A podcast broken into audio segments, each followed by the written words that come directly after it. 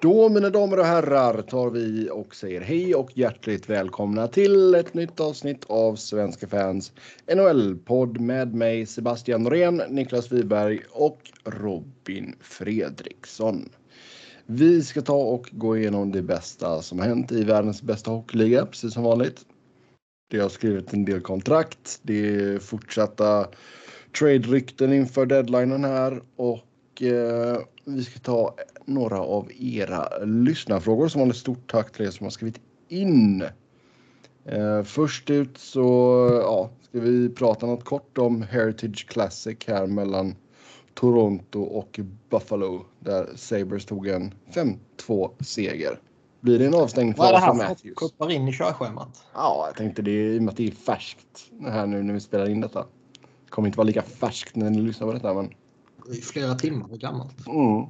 Du var väl på plats eller Sebbe? Nej, det är um, inte denna gången. Nej. Jag har fortfarande inte varit i vårt norra grannland. Det är lite sjukt när man ändå bor där borta. Mm, jag har bara flugit igenom, någon, jag har flugit igenom fly, Torontos flygplats en gång bara. Och det räknar jag inte. Ja, jag har också flugit över Kanada. Nej, men alltså mellanlandat i Toronto. uh, och det räknas inte.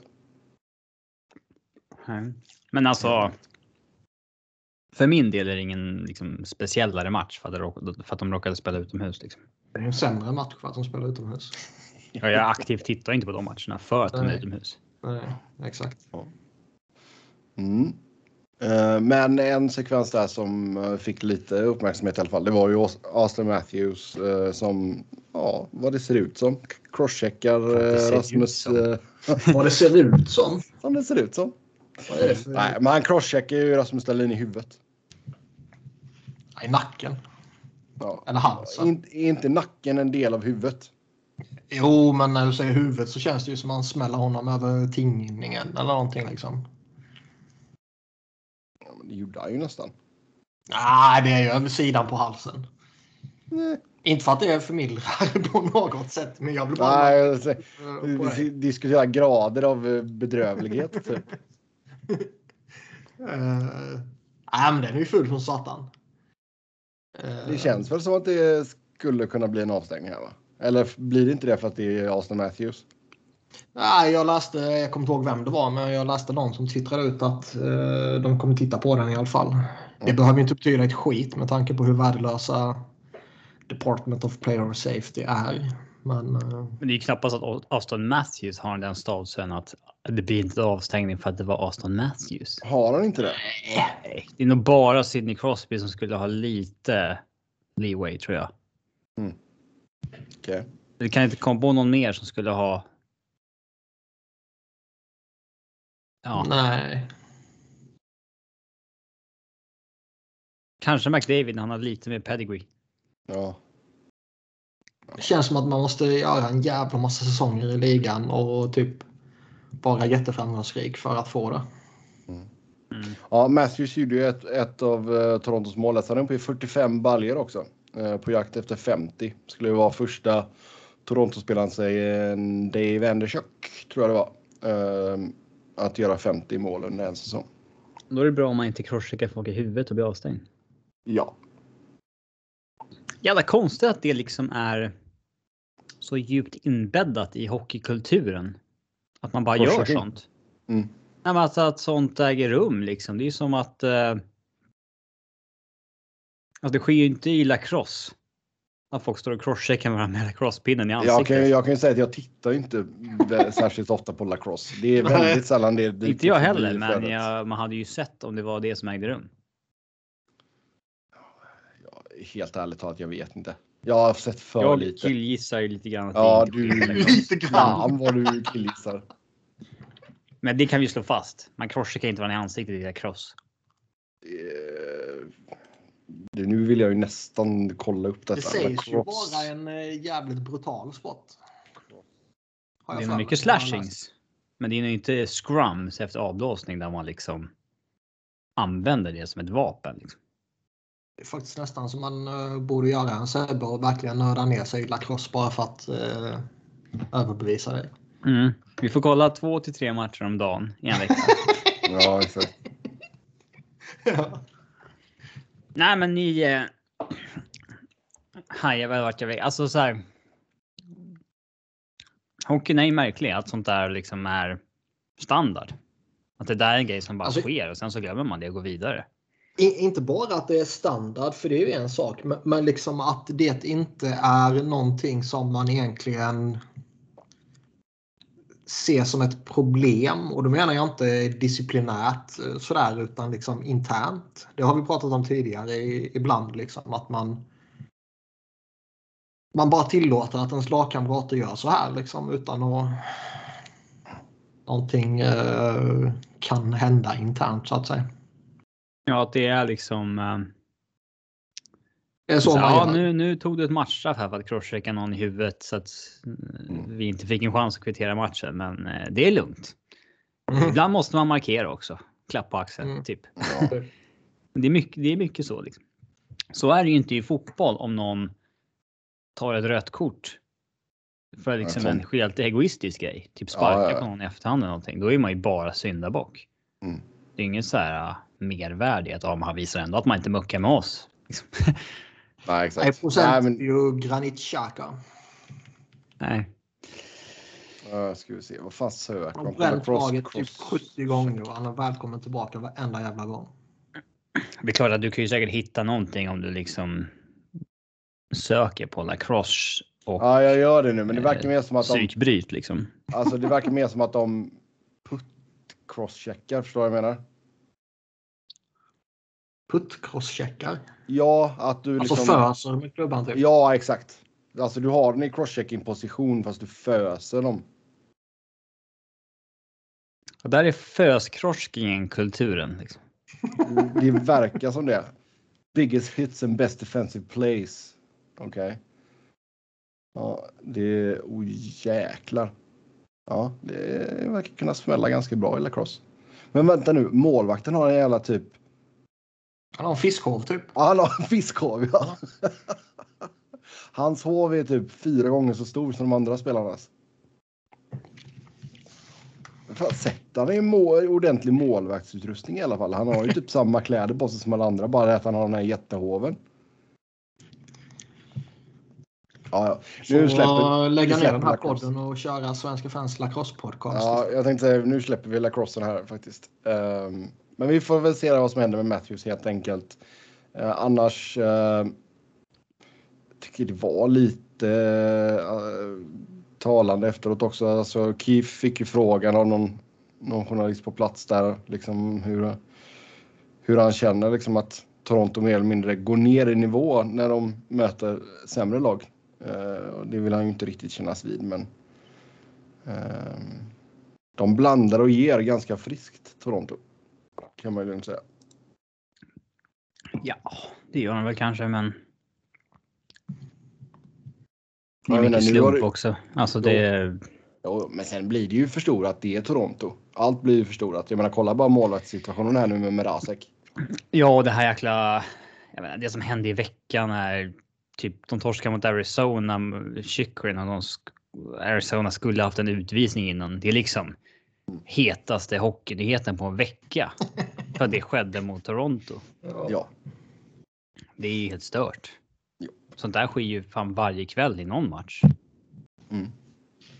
Men nu ligger Boston och nosar eh, Toronto i hasorna här. Eh, tar vi en snabb titt på Atlantic så har du ju Florida i topp 85 pinnar, sen Tampa 80, Toronto 79, Boston 77. Ja. Men Man kan ju också säga att Toronto sniffar Tampa i arslet. Mm. Oh ja. Det är mycket sniffande där. De... Det är också mycket, det är så långt gap mellan eh, sista vildkortet och eh, den som är strax utanför så att det blir inte så. Det blir inte så jävla intressant vem som kommer vart internt tycker jag. Nej, det är ju lite avslaget. Då är ju Western är eh, ju otroligt mycket hetare. Mm. Mm. Men det är alltså, inte heller så att de men... som leder Carolina och Florida, att de är så jävla bra att de vill ingen möta. Alltså, skulle det bli Boston, Florida en första runda idag eller Washington, Florida så jag vet inte fan om det inte är liksom 50-50 oddsmässigt. Men oavsett så skulle det bli kalas ramaskri om Toronto ryker i första rundan. Mm, ja, det blir det. För det kommer de att göra. Det Ja, vore sjukt kul om det gick om att Tampa. Alltså, det, uh -oh. yes. Ja, ja. Eh, några kontraktsförlängningar här då. Jared McCann först i Seattle, fem år och fem miljoner landar hans cap hit på. mm. Mm. Hur tycker vi att eh, Seattle använder sina pengar? Det där är väl okej. Ehm, han är väl en spelare som är värd ungefär 5 mille. Så det är väl rimligt. Men man får väl inte signa för många sådana där kontrakt med eh, typ second liners. Mm. Ehm, Vilket de han- typ har nu. Ja, även fast han är en first liner i, i Seattles eh, lag. Eh, men sen... Samtidigt, de kan ju inte bara trolla in de här stjärnspelarna som trycker ner de här i hierarkin. Så att de får väl jobba med det de har. Eh, alltså om vi... Nu har de ju satt sig i den sitsen de har i och med att de hanterade expansionen så jävla dåligt. Men Jo. Det är fortfarande så obegripligt alltså. Ja, alltså tittar du på de forwardsen som de har kontrakt med över minst nästa säsong då. Då är det ju Eberley på 5,5, Swartz 5,5, Gord 5,2 drygt. Sen Wennberg 4,5, McCann går upp då på 5 och sen Donskoj 3,9 och Tanev 3,5. Så det, är, det blir ju en del pengar när du ändå så. Ja, de här 4-5 miljoners kontrakten, de ackumulerar snabbt alltså. Mm. Till eh, mycket pengar. Så som du säger, det är ju inte så Nej. att man bara ja, men här kan vi lägga 10 miljoner på eh, Patrick Kane eller vad det nu kan vara. Ja, nej, men han har ju varit deras bästa spelare i år så att det är väl inte så jävla konstigt att de förlänger den. Plus att han är en av de yngsta spelarna de har, otroligt nog. Vad är 25 han? bast. 25? Ja. Ja. Mm. Man hä- man häpnar ändå över hur. Hur. ehm, dåligt det här lagbygget var. Alltså så fort man öppnade deras cap friendly. Ja, ja, och sen det är ju inte så att de, de fick ju inte det megaflytet som Vegas fick under sin första säsong heller liksom. För jag menar, det- Nej, det, sen- det, var ju inte, det var inte så att vi bara åh gud vad George McPhee har varit helt liksom fantastisk Nej, i den här en expansionen. Nej, han misslyckades med sin plan. Det har vi sagt många gånger. Han satte ihop ett dåligt lag och så blev- råkade de bli bra. Ja, helt otroligt. Sen så byter de sakta ut en spelare i taget mot den som var bra på riktigt när de var Ja. bra och så har de bara Ja. lyckats hålla, i, hålla igång det. Ja. Men. ehm, alltså sen huvudanledningen till att Seattle har gått dåligt. Det har ju inte varit. Egentligen det de byggde i somras eller att de valde Hackstad som coach eller det, det, huvudanledningen är att de har ju snudd på historiskt dåligt målvaktsspel. Mm.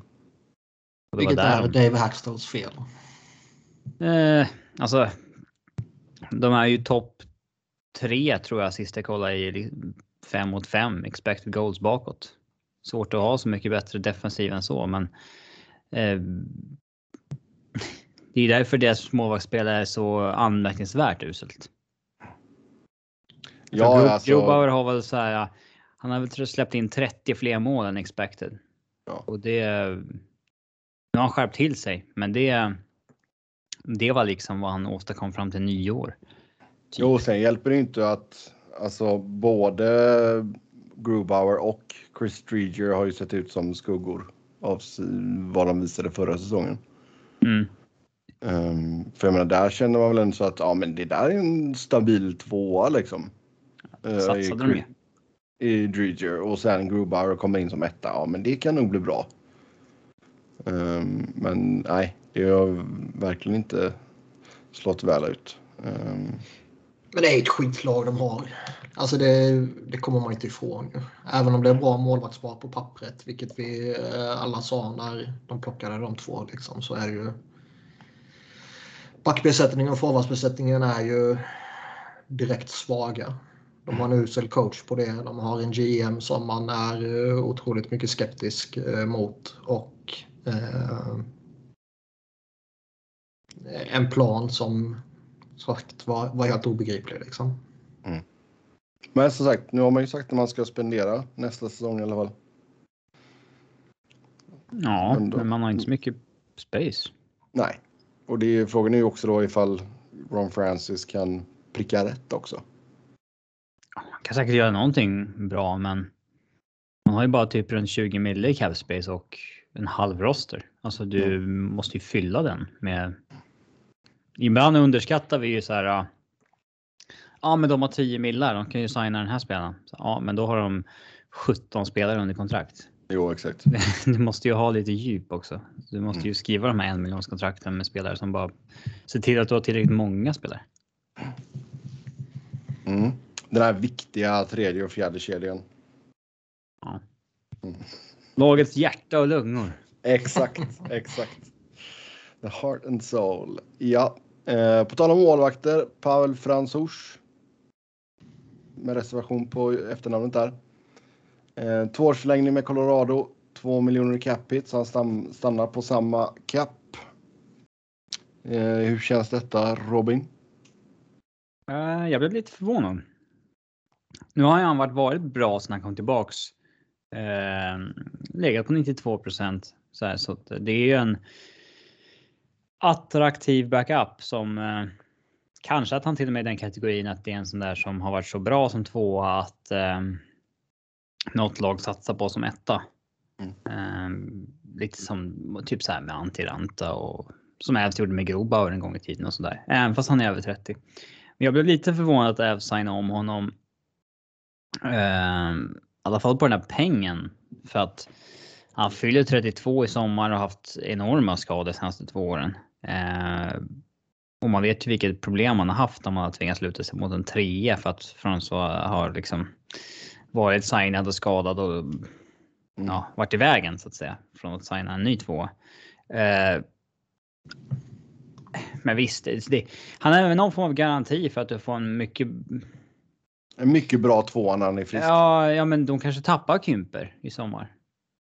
Det är väl mycket möjligt. Ja, du, alltså, du kan ju ändå, då kan du ändå köra på Fransos tror jag. Alltså, det går ju, men eh, eh, annars så hade Kymper varit signad så tror jag kanske att man hade valt att nej, men vi satsar nog på den här backupen som kostar 800 000 istället för att mm. ja, vi måste göra avkall någonstans pengamässigt. Ja. Eh, men. Alltså Kym Kymper är ju intressant också för han är ju också på fel sida 30. Um, ehm, mm. Och alltså med tanke på att visst nu eh, är det ju bara 3,5 miljoner capita för, eh, för Avs på hans kontrakt då. Uh, Arizona behöll ju en miljon på det. Men det är ju inte med NHL-mått mätt så alltså han har inte skrivit sitt stora kontrakt än. Nej. Så han vill väl säkert norr om 5 mille. Kanske lite mer. Ja. Men det är väl inte, ja, ja, men speciellt för Colorado så kanske inte är, är läge att lägga det på honom. Det är problemet skjuter man åt sommaren. Det är mm. inget. Ja, det kan jag förstå. Inget man oroar sig över nu tror jag. Bara, vi går ut och löser en ny etta här nu innan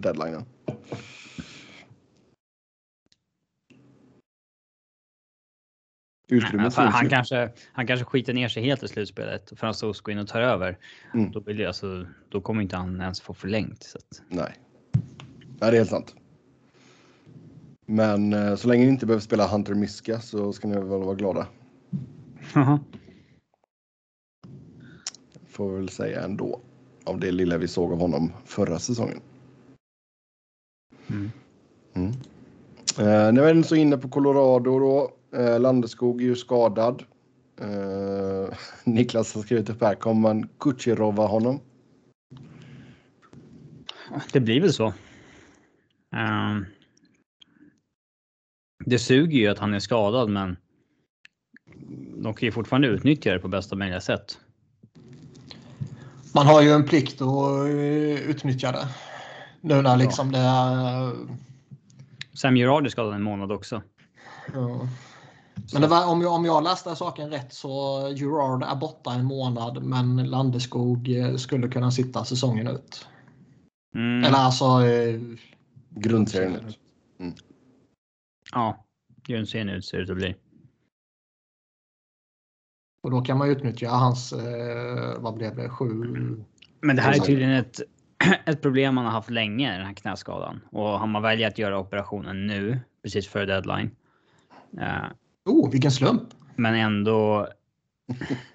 Alltså hade det varit så att han missar en eller två runder i slutspelet nu. Ja. Då hade man gjort operationen för tre veckor redan.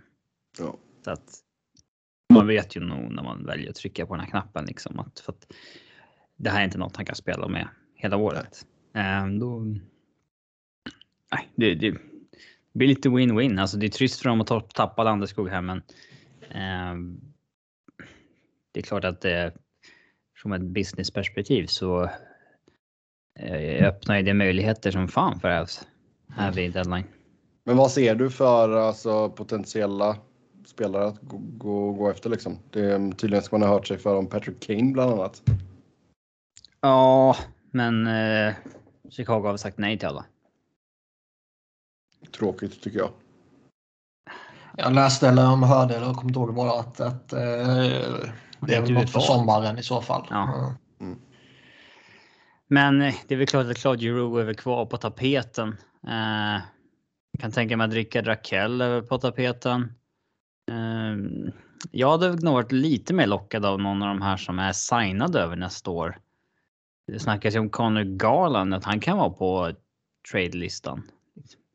Eh, JT Miller kan vara det. De, är, de har ju sign, de har ju kontrakt över nästa år. Det kan vara rätt bra i och med att Avs har utgående kontrakt på Nitushkin, Kadri, Burakovic. Då kan man ju liksom redan nu ersätta en av dem till nästa år. Men samtidigt få in den spelaren nu som en boost till slutspelet. Eh, det lockar nog mig lite mer om jag ska vara ärlig. Mm. Än en pure rental så att säga. Eh, men sen på backsidan kan man ju ta en eh, ren rental. Eh, och den, den backtraden blir lite mera med Byron borta och osäker status även om han skater och har sig nu. Ehm, och Gerard borta en månad så det blir väl lite mer angeläget att få in en, en back nu. Mm. Ehm, får väl bli mer en lyx men Eh, jag tror Elliot Friedman sa att man var intresserad av Andrew Kopp i Winnipeg också.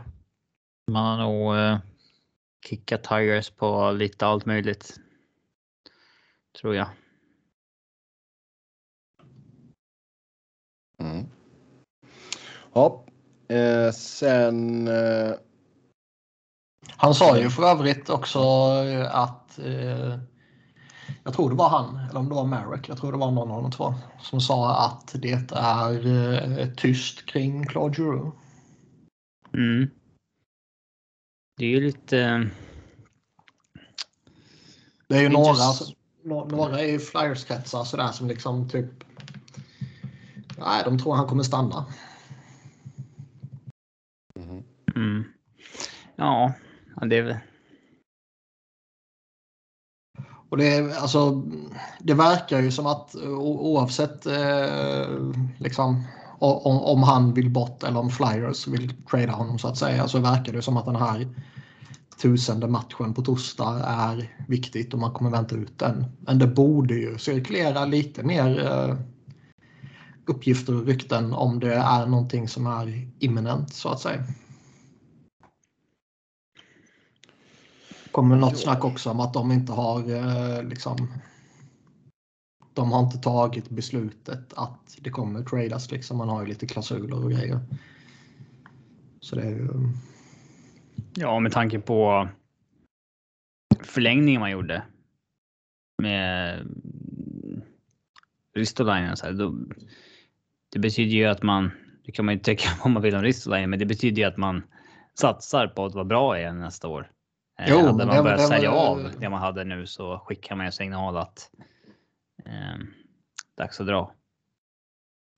Jo, så är det väl. Men det, det, var de ju tydliga med på den här presskonferensen. Om det var liksom en månad eller två sedan. Jag kommer inte ihåg.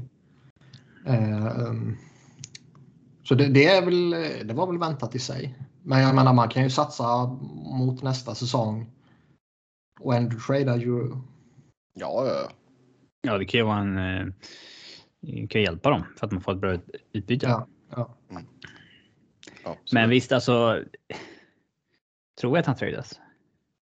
Ja, jag tror fortfarande det. Men det är anmärkningsvärt att det är så tyst ändå. Mm. Ja. Yes. Uh, ja, Robin gick in på det där. Men Rasmus Ristolainen förlänger fem år med Philadelphia. 5,1 miljoner i cap hit. Uh, och det är per säsong. Uh, och uh, detta ska då dra igång snack om att det kan vara början på en liten makeover av Flyers försvar och att Ivan Provorov kan vara tillgänglig. Uh, kom ut lite grejer på Twitter. Lite om Sanheim också va? Ja, eh, som jag tolkar det så är det väl mer att typ, ja, det finns nog rätt många som skulle vara intresserade av Travis Sanheim. Och det, det tror jag väl. Medan det kanske i Ivan Provorovs fall är mer att mm, har Flyers tröttnat på honom nu?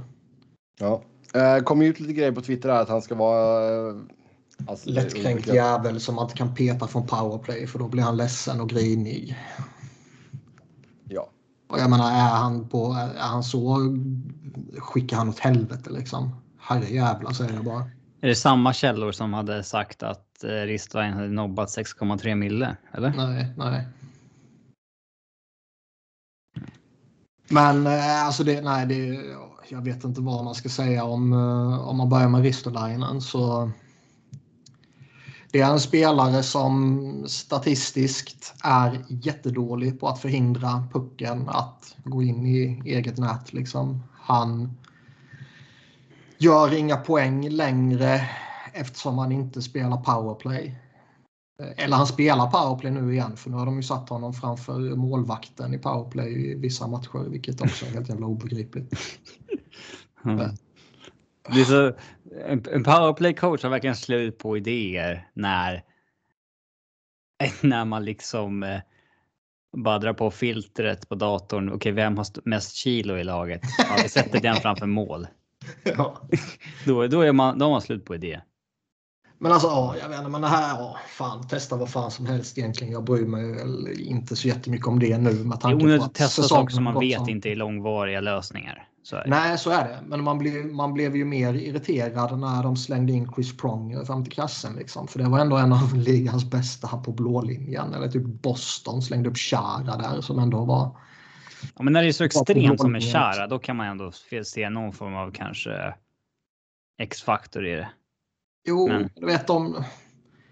De har ju inte liksom det här finliret inne vid kassen har ju inte de i sig och styrningar och allt sånt där. Det har aldrig de hållit på med. Mm. Ja, det är ju det, som... Eh, kan man sätta bara en random chockis där liksom. I den här uh, It was 4-1 matchen mellan Toronto och Boston. Eh, när Boston kommer tillbaks från 4-1 till 4-4. Mm. Eh, I match 7. Efter att ha legat under med 3-1 i matcher. Då eh, kvitterar ju Boston med ett skott från blå av Bergeron och Chara är framför mål. Eh, när det borde vara tvärtom egentligen. Men det, är ofta så där att Patrick Raw gjorde det till sin grej också. Att när, man, han, när han pullade målvakten så var det Cody McLeod han slängde in. Liksom. och det är så här, han ska bara in framför mål. Mm. Och så blir det mål någon gång och så här. Sitt, folk så här, titta, här ser ni vad som hände? Att han, det blev mål och så här. Ja, det är klart att det blir mål förr senare. Det är fortfarande liksom den 16 bästa lösningen du kunde komma på. Ja, det är klart att det kan bli mål. Det kan bli mål om du spelar fem mot fem också utan, utan att ens sätta in en gubbe. Liksom. Mm. Eh, så, ah. Men alltså om jag var Flyers fans hade jag varit så jävla deppig över allt. Det är man, ja.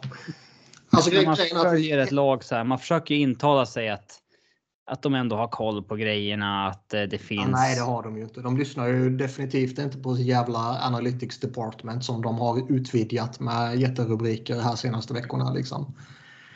De uh, fick ju en käftsmäll här i, i häromdagen. Vilken jävla dag det var kommer jag inte ihåg. Och uh, det, det, kan, det finns ju inte, alltså ibland kan det ändå vara lite så här att de här publika liksom, formlerna och, och siffrorna som finns kan ju skilja sig lite från privata. sådär som lagen kan ha. Det, det, kan, det har man ju hört och förstått. Men, men, inte så här radikalt så att man skulle ha några avancerade siffror på att Rasmus Ristolainen egentligen är ett geni. Liksom. Det finns ju ingen modell, alltså oavsett vems modell, som säger att Rasmus Ristolainen är en, alltså en NHL-back, sjukt nog. Nej, alltså det, det, som, det som är faktorn med han är ju att uh, han är stor, han är högerfattad, han spelar mm. fysiskt. Han kan åka skridskor för sin storlek. Ja, och tidigare kunde han, uh, eller gjorde han okej okay med poängen då med tanke på att han spelade PP liksom. Mm. Uh, men det, det, det man signar upp honom på är ju intangibles. Det är det man säger och det är det man liksom kan läsa mellan raderna. det är ju fysik och det är han är tuff att spela mot och det, hela det där de klassiska grejerna liksom. Och ja. det är ju nog för att sådana de faktorerna liksom, det har ju en grej även, eller det är ju en grej även i den moderna hockeyn givetvis. Men hur i helvete man kan få för sig att betala 5 miljoner i en lönetaksvärld för det helt obegripligt. Mm. Skulle det inte funnits lönetak då, då, fan, då bryr man sig inte om vad han tjänar. Men, men alltså, det är ett kontrakt som hämmar allt du försöker göra kommande fem år. Ja, liksom ä, ä, även om, alltså säg att Claude Drew vill stanna här nu till exempel.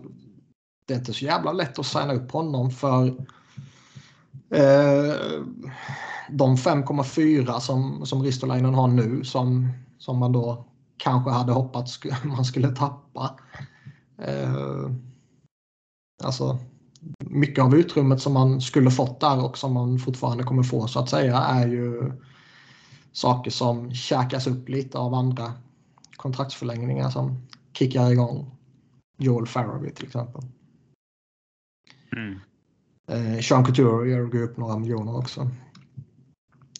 Så det är ju som du säger, det är någonting som begränsar en fem år framöver och man gör det på en spelare som Ja, men sen, en kompetent organisation kan alltid trolla bort ett kontrakt på något sätt, även om det kostar eller inte. Men eh, alltså, det går ju inte att. Eh, alltså, det här är ju tradebart kontraktet. Ja, det är det väl, men. Eh, Fem, en, or en fem. organisation som signar det där kontraktet är inte kompetent nog att bygga ett bra lag. Nej, nej. Det, och det är det som är det. Inget förtroende överhuvudtaget. Det, det är det som är det riktiga.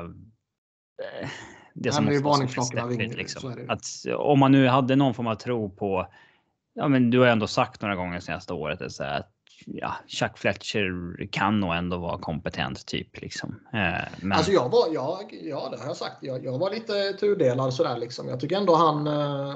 Nu är ju spiken i kistan. Liksom. Ja, det här Ingen GM som signar det här är ju bra. Det kommer Nej, inte... verkligen inte. Och framförallt så är det väl många som känner liksom att det här man har misstänkt lite att liksom Bobby Clark och Paul Holmgren och sådär att de fortfarande har en stor röst inom organisationen bekräftades ju här nu liksom. För det är ju Ristolainen är ju liksom en Bobby Clark-back så att säga. Mm. Eh, det kan väl fortfarande finnas för andra folk som gillar dem. Än att det är Bobby Clark och Holmgren liksom. Eller?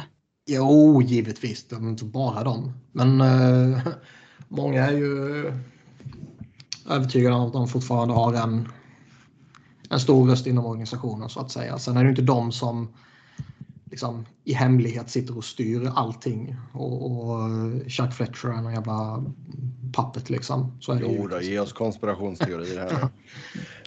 Men, men, men eh, det är väl inte alltså, så enkelt att bara för att de signar en old school buck så är det automatiskt så att gubbarna är de som bestämmer. Alltså, nej, givetvis inte. Men du vet vad jag menar. Ja, men jag skulle inte säga att det bekräftades här. Liksom, att det är de som fortfarande har stor röst? Nej, kanske inte utifrån. Men har, har man misstänkt det och, och man uh, befarar det så är det väl här någonting som uh, inte direkt får de tankarna att gå undan i alla fall. Mm. Men det som är allra mest fascinerande är ju det är ju inte egentligen att man signar honom utan det är att man signar honom till det här kontraktet Och det är början på din makeover. Ja. Om det nu blir en makeover. Liksom. Om det, för det kommer det är lucka bli ett på julkalendern. Liksom. Ja, för menar, det, det kommer ju vara lite per automatik. För förmodligen, alltså Keith Yandel, han kan ju inte få ett nytt kontrakt. Han har varit så jävla klappkass. Justin Braun eh, har varit bra. Man bör väl trada honom och eh, man kommer förmodligen få något bra för honom tror jag. Alltså ett second rounder eller någonting liksom. Och eh, han kommer väl inte tillbaka efter det liksom. Eh, så det kommer väl vara liksom, naturligt att någon roteras ut och någon roteras in och sådär givetvis. Men jag tror inte man kommer dumpa både Provorov och San, Sanheim. Det tror jag inte. Men... Eh, det var någon som lyfte en teori om eh, Avs as manager Chris McFarland som sägs vara en som egentligen är den riktiga GM-hjärnan, även om Joe Sakic inte siktet utåt. Mm. Eh, har ju akt, alltså personligen scoutat Flyers en del på slutet. Mm. Och eh, en del på, på, ta, på ämnet att det kanske inte är en ren rental som är det bästa för Avs egentligen, utan någon som är signad över nästa år. James Van Riemsdyk. Nej, men en del har nämnt att Travis Connecting kanske kan vara en sån om de ska göra en makeover Flyers. Ja, alltså ska man göra det om man ska offra någon forward för att göra någonting, då är det väl han. För jag tror ju liksom, det, det, finns ju några alternativ som av olika eh, anledningar... Oh, nu kvitterade Montreal. Vad bra. Men Flyers hade powerplay med 42 sekunder kvar. Man skickar inte, connect, eh, man skickar inte Atkinson som man precis fick in och har varit i bästa Nej, alltså, så, nej, jag tänkte säga det. Det finns ju några som, som faller bort av, av olika anledningar. Liksom Kevin Hayes, Couturier, JVR, Cam Atkinson. Scott Laughton tror jag faller bort. Liksom. Faraby. De, de tror jag inte är aktuella. Utan då är det ju Connecting i så fall. Det var ju snack. Eh, han var ju tydligen jagad i somras. Och då gjorde Flyers typ en grej av att säga åt honom att uh, vi kunde tradat dig om vi ville men uh, liksom, vi vill inte. Vi vill att du, uh, vi ser dig som en del av, av framtiden. Vi vill bygga med dig och sånt där liksom. Men jag ska inte säga att han har blivit en scapegoat denna säsongen men han har ju fått rätt mycket kritik trots att han egentligen inte har varit Tredje poäng bäst. Liksom. Ja. Väl, ibland så känns det så här. När hela laget går dåligt. Har tagit fart, liksom. Men när hela laget går dåligt, då kan man liksom inte bara titta på att han har bara gjort 10 mål på 56 matcher. Man får ju titta liksom internt på. han är tredje poäng bäst i laget. Det är väl ändå vad han förväntas vara. Sen ska ju hela laget vara bättre. Um, Nej, jag tycker väl han har varit okej okay i största allmänhet sådär bara. Uh, man, man har väl reviderat sina förväntningar på honom lite där man uh, tidigare trodde att han skulle kunna vara någon sorts ledande spelare så känns han väl numera mest som en, en komplementspelare som uh, kan vara lite streaky och det är väl inget fel i det sådär liksom. 5,5 mm. för det är inte eh, överjävligt jobbigt på något sätt tycker jag. Mm. Men som sagt, ska, ska man skaka om något forwardsbesättning så är det väl han. Ja. Provorov då? Blir han tradad?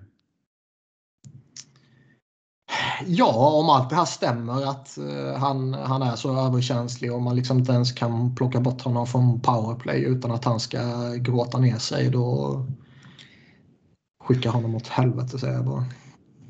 Här, en organisation mår inte bra om sånt här kommer ut och sånt här blir en sanning och sånt här läcker och så här. Då. Mm. Det, det kanske är sjukt överdrivet kring Provorov, äh, de här grejerna. Men att sånt här ens liksom kommer ut och blir en grej och sånt där, det, det tyder inte på att en organisation mår bra. Nej, definitivt inte. Jag menar, det, det har ju sagts i många år nu att Flyers är dåliga på att utveckla spelare och, och ja, bevisligen har man en jävla klappkast GM också. Och eh, Provorov har ju tagit steg tillbaka. Alltså, på samma sätt som jag sa att man fick revidera liksom sitt anseende av Connecting så har man fått göra samma sak med Provorov här de senaste åren. Liksom att han Eh, har en, en bra stabil veteranpartner jämte sig som han hade med Matt Niskanen och som han hade med Ryan Ellis i fyra var det väl, matcher. Så ser han jättebra ut. Men så fort han inte har det så eh, ser han ut som mig på isen. Typ. Mm. Oh, men. Alltså, om han ska tradas. Ja, tre år kvar då. 6,75 mm. i den här capvärlden när ingen har cap space. Eh, den är ju nog svår att hitta en partner till då. Alltså framförallt så är det väl en, en, en sommartrade. Jag tror inte någonting kommer ske den här kommande veckan. Liksom. Jag tror inte att det behöver bli liksom ghost dåligt att man får betala någon för att ta honom, men det kan nog, det är nog inte alls att klubbar står på kö när någon har haft lite svaga jag säsonger kan, i rad och. Ja, jag, kan ändå, jag, jag, kan väl ändå se att det finns ett, ett relativt eh, bra värde i honom. Det är liksom en, en snubbe som käkar många minuter och som kan åka skridskor och hantera pucken och allt det där. Eh, sen är det klart att eh, hans värde har väl inte varit mindre än vad det är nu. Ja. Eh, blev ja. ju, Klara med Flyers då? Känns väl lite så va, men det känns väl som att... Har vi ens pratat om kvart om dem? Det känns som att det nästan är Ghost Bear 2.0 på gång här. Mm. Nej, jag, jag, tror liksom... Uh, Ghost tror jag... Uh, alltså lite hårt så, så liksom... Ghost flög högt en sommar eller två typ. Provorov tror jag ändå har eh, ett helt annat och avsevärt mycket bättre eh, anseende runt om i ligan. Yes, Eh, ja, då kan vi väl ta och eh, gå till Dallas där man först först skrivit på ett ettårskontrakt med Joe Pavelski, 5,5 miljoner. Så han stannar i Texas ytterligare en säsong.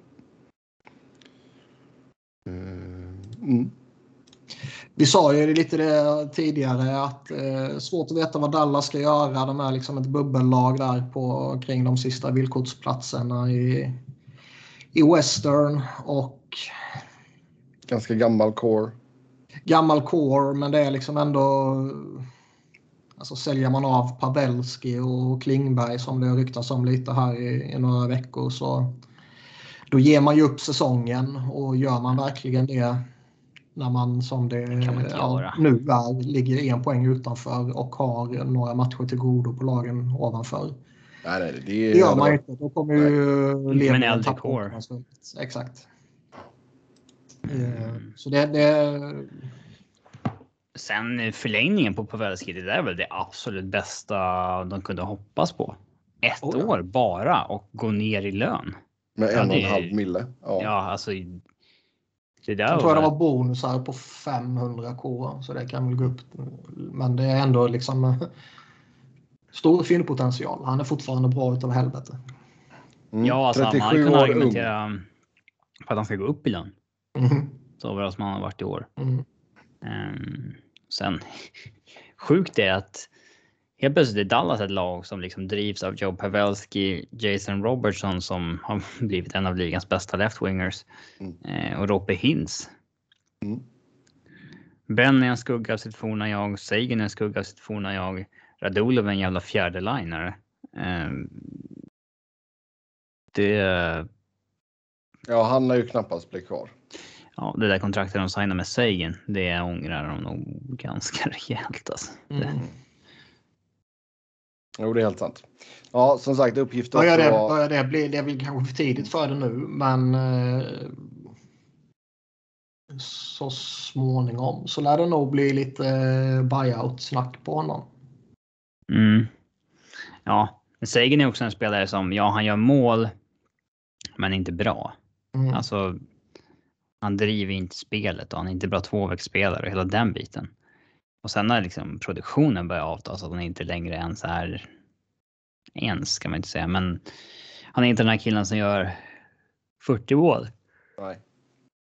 Oh, oh, oh! Montreal Alltså, han, han har ju... eh, Losing is winning. det? Ja, ja, tyst nu.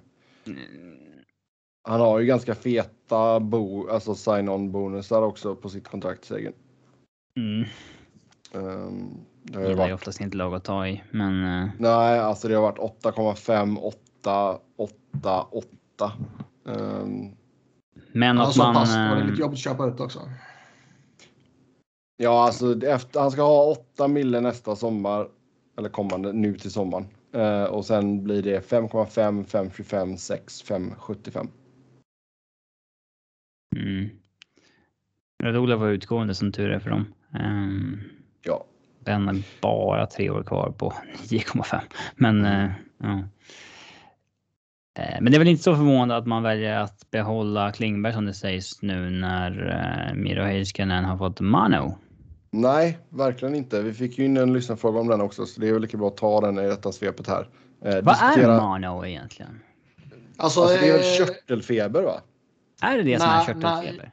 När de eh, Dallas kommunicerade ut eh, det här så Mm. var det ju något helt absurt, eh, typ latinskt namn de twittrade ut liksom. Och när man googlade på det. absurt.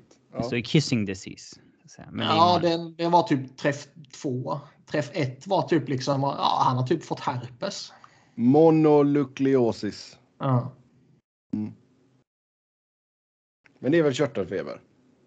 Är det det? Det är väl Lite oklart. Man kan tolka det på, på det sättet och man kan tolka det som... eh, Vad fan var det du sa? The kissing disease eller vad fan det var. Ja. Feber. Mononukleosis. Ja, det är det.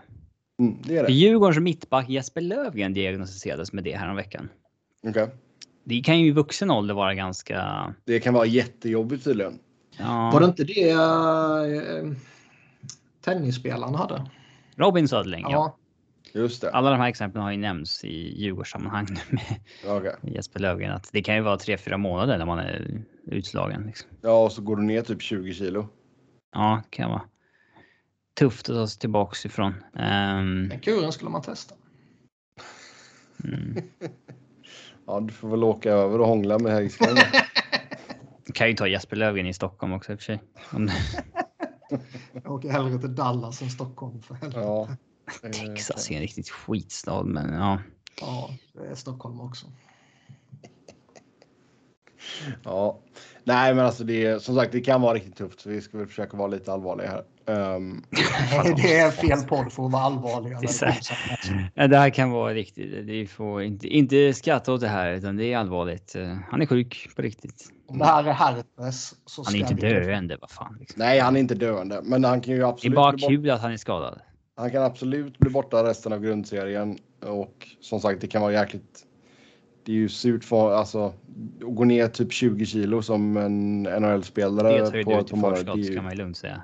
Ja, det kanske jag gör. Jag får Men väl den- bli hans lägga på sig 20 kilo coach. Mm.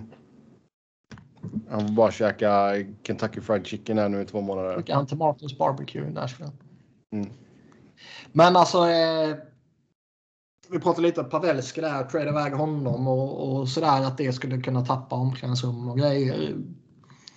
Eh, man kan ju ändå göra ett case för att trada Klingberg på ett annat sätt tycker jag innan den här eh, herpesinfektionen. Mm. Och eh, där skulle man ändå kunna få ett utbyte, en, en yngre back som kan kliva in direkt eh, eventuellt och lite sådana där grejer. Och det är ändå lite skillnad på att släppa en snubbe som det har pratats om att han vill ha 8 gånger 8 typ. Jo, jo, jo. Vilket är han ju inte är värd enligt mitt tycke numera. Nej, men alltså, frågan är väl lite där om att det hade blivit att han får betalt lite för lång och trogen tjänst också. Liksom. Jo, han, han, ju- han, ju- han har ju varit, ju sämsta fällan man kan gå i som Jo. GM. Ja. absolut. Men han har ju varit underbetald. Ja, Ja, visst, men absolut. det är inte... Det ska inte organisationen stå till svars för på något sätt. Tycker jag inte. Nej, Men jag menar, det var ju tidigare innan uh, Heiskanen fick herpes. Nu, nu, nu, nu, måste man ju behålla Klingberg. Om man... Uh, vilket Pavelski-signingen indikerar vill, vill liksom Alltså, gå måste, till slutspel. måste så du säga. väl inte? Du kan ju fortfarande göra den traden om du får en, en likvärdig spelare som är under kontrakt längre. Ja, om du gör en hockeytrade, men det gör du ju inte. Alltså tradar man honom i, i det här läget så är det ju för uh, picks och prospects. Ja, Så det, det, där känns det ju som att nu, nu får man ju bara gilla läget, behålla honom och sen så får man ju släppa honom till sommaren och så blev det som det blev med tanke på att Heiskanen var tvungen att hångla. ja eh, körtelfebern ställer till det där för Neil helt enkelt. Herpes! Nej.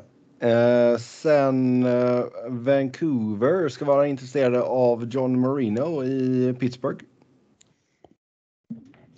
Det är ett väldigt eh, litet rykte som dyker upp här i körschemat. Men Ja, skriv ditt eget jävla körschema då. det blir intressant med eh, Vancouver i och med att det laget de, de har är ju det är helt ny ledning. Mm. Och du har, du har ju en connection där också. Alvin var ju i Pittsburgh innan. Ja, visst. Rutherford också. Ja. Ja. ja. Eh, så det är väl inte omöjligt, absolut. Men... Eh, Så vi Men säger de alltså kan ju- Malkin, de kan ju Malkin skamlöst till trada- de kan skamlöst trada Conor Garland. Även fast han har nyss skrivit ett långt kontrakt. För det var inte de som signade det. Nej, nej, nej. Nej, de behöver inte känna någon skyldighet så sett. Nej, bara köra. Men jag menar. Ursäkta. Men alltså, vi sa väl det förra veckan också att det var, det var två eller tre spelare som de anser är untouchable och resten är, är liksom up, up for grabs. Ehm, så det, de behöver absolut inte känna någon skyldighet till att till att uh, ja, trada man Garland så visst, det är väl inga problem. Han är ju ingen stjärna Marino, men eh, det känns ändå som att han skulle kunna vara en, eh, en vettig, liksom lite mer trygg, stabil partner och Bättre Tyler slänga in jämte Quinn Hughes. Ja. Ja, absolut. Och jag, menar, jag tycker ändå att han sitter på ett ganska bra kontrakt. 4 miljoner cap hit. Uh, Klev ju in på första året på det här nu, sex år. Så absolut. Det är en solid back. Men Pittsburgh skulle vilja släppa honom också. Ja, Och det är frågan om de vill det med tanke på att de har lite andra dyra backar som inte är så jävla heta direkt. nu vet jag inte vem du syftar på. Alla. Typ. Ja. Hur har det gått för Matheson i år? Poängmaskin. Det är ju irrelevant hur det har gått för honom. Han är ju kass ändå. Ja. Eh, men visst, nej, nej, det är klart att det, du måste komma överens om, om ett pris där och det, det vet jag inte riktigt vad det kan vara på Marino. Men Nej, man har ju svårt att se att, eh, att Vancouver skulle slänga iväg någon annan back till Pittsburgh och då får man kanske titta på någon, någon forward istället. Liksom. Alltså det är om de skulle betala för att bli av med eh, typ Tyler Myers. Ja, men det tar inte Pittsburgh på sig. Mm. Nej, det har jag jävligt svårt att se. Man vet aldrig. Nej, Ron Hextall kan vara en jävla dåre, men jag tror inte han är så galen. Mm. Ja, eh, sen eh, går det rykten om att Shea Webbers kontrakt kan komma att bytas bort. Ja. Det är ju alltid roligt när det bara byts kontrakt. Alltså det intressanta här är ju att eh, ja, då är han ju definitivt körd. ja. Ja, men det Om- räknade vi väl med innan också. Arizona. Liksom. Men nej, men det var ju inte helt uppenbart tidigare tycker jag att nu är karriären över. Men eh, om det stämmer som de här rapporterna säger att hans kontrakt är tillgängligt så att säga, då är han ju finito. Mm. Ja. Och han har ju, alltså alla de här pengarna är ju utbetalda. Ja, alltså han kliver ju in Kommande år på tjänar han 6 miljoner fördelat på fyra år. Liksom. Tre, Det är 3 miljoner nästa år, sen är det 1 miljon, 1 miljon, 1 miljon. Och det är ju... Eh, det är ju pengar han kan undvara egentligen. Det är 6 miljoner kvar kommande fyra åren. Toto. Mm. Ja, Ja, som jag precis sa. så jag menar det är ju det är säkert någon som ser det som fördelaktigt. Nej, men det har ju ett värde för Arizona. Men behöver verkligen Arizona ännu fler sådana här? Alltså nu har de väl. Eh, visst, de går ju ut hela tiden, men. Eh, behöver kanske inte nu, men till, till nästa säsong kanske. ja. Alla deras kontrakt är ju nästan utgående, känns det som. ja, kanske. Mm. Ja, Men som sagt, det är Sen- inte det som är det intressanta. Det intressanta är ju att eh, som sagt det indikerar väl upp att han definitivt är körd. För när säsongen gick igång, då var det typ så här. Han kanske kan komma tillbaka till slutspelet typ. Mm. Men eh, det var ju Slutspelet var ambitiöst. rätt långt borta för honom. Mm. ja. Eh, Mikko Koivu fick sin tröja upphissad idag. Eller i natt. Eh, Ja, man hade ju en tår i ögat när man såg det. mm. Nej. andra, andra finnen på grejer du kuppar in i körschemat idag? andra finnen på typ två veckor här nu som fick tröjan i taket. Pekarinne fick det ju tidigare för Nashville. Ehm, Ja. En så ung organisation. eh, En så ung organisation har ju väldigt få ikoner liksom. Det här är ju den första tröjan i taket. Precis som att eh, Rick Nash hissades i Columbus som första Mm. tröja i taket nyss. Så det, Rick the Dick heter han. ja, det är väl inte så konstigt att just det är de två som blir de första i de här organisationerna. Eh, kan man säga. När ska man tjohorna in någon jävel så är det väl Koivu och Nash. mm. Men Koivu har inte varit någon. ehm, Pekka var alla först i Nashville också. Mm, ja, ja. Men jag vet inte vad du vill att jag ska säga om det. Nej, mer konstaterande. Två finländare upp i taket på drygt en månad. Eller tre veckor eller vad fan det nu blir. Mm. Ja, Ja, kan man ju tycka är intressant om man vill. Kan man mycket väl göra. Hur många svenskar har vi i taket och hur många finländare har vi i taket? Försök inte Vem göra det till någon raskamp nu. Vem, vem försöker göra det? Svenskar är ingen ras, finländare är ingen ras. Ehm, Det osade ändå en rasism där som jag inte var bekväm med. Ja. eh, friendly neighborly competition. Ehm, så så är det med det i alla fall. Säg som det är, du bara hatar finländare. Jag gör ju inte det. Ja, det var lite väl genomskinligt. Mumintro- Mumintrollen, mycket, mycket bra. Ni vet, eh, det finns ju så här. eh, När man är på typ en släktmiddag. Då kan ju typ ens farsa dra en story om något man gjorde när man var liten. Som alla där har hört 10 gånger och man själv har hört 40 gånger. Mm. Vad är din story? Att du hatar finländare? Nej, att när hans pappa, när min farsas polare Palle ringde hem, Mm. finne, Mm. då svarade jag i telefon och sen så säger jag pappa det är till dig. Det är, det är någon, någon från Mumintrollen. Mm. Någon från Mumindalen. Ja. Mm. Den har jag fått höra då typ höra. säkert 50 gånger. Så här. Kommer du ihåg vad du sa när Palle ringde? Hur, gam, hur gammal var du då? och så här var det. Va? Ja, jag var 14 kanske? Nej, jag vet inte. Ingen aning. Nej. Inte så att jag minns det. Ja, ja. Ja, vi eh, tar och hoppar in på lite lyssnarfrågor. Som sagt, eh, stort tack till er som har skrivit in. Eh, vi går tillbaka till Niklas och Flyers och Provorov här. Hur mycket har Provorovs värde fallit de senaste två, tre säsongerna? Han kändes ju som en blivande världsback, men nu verkar han mest göra sig svår och känns ganska knepig. Jag försökte ju ta det när jag sa när jag drog jämförelsen med Ghost. Mm, Ja, ja, nu ger vi Niklas en chans till att dyka Ja. ner i Flyers. ja, då får han göra det. Det är inte lätt för pojken. Eh, nej, det är fan inte lätt. Men... Eh, vad, alltså, vad har gått snett? Jag, jag, tror väl att man, eh, som jag sa, man, man, får väl eh, revidera sitt anseende av honom och konstatera att han är inte han är inte någon som leder ett backpar, i alla fall inte ett första backpar. Och eh, han behöver en stabil, lugn och trygg veteran jämte sig för att vara eh, på den höga nivån som eh, han har varit uppe och sniffat på. Liksom. Eh, och det, det är ju... Jag vet inte riktigt vad man ska tycka om det. För å ena sidan så är det ju... Liksom, ger man honom det så är han ju bra.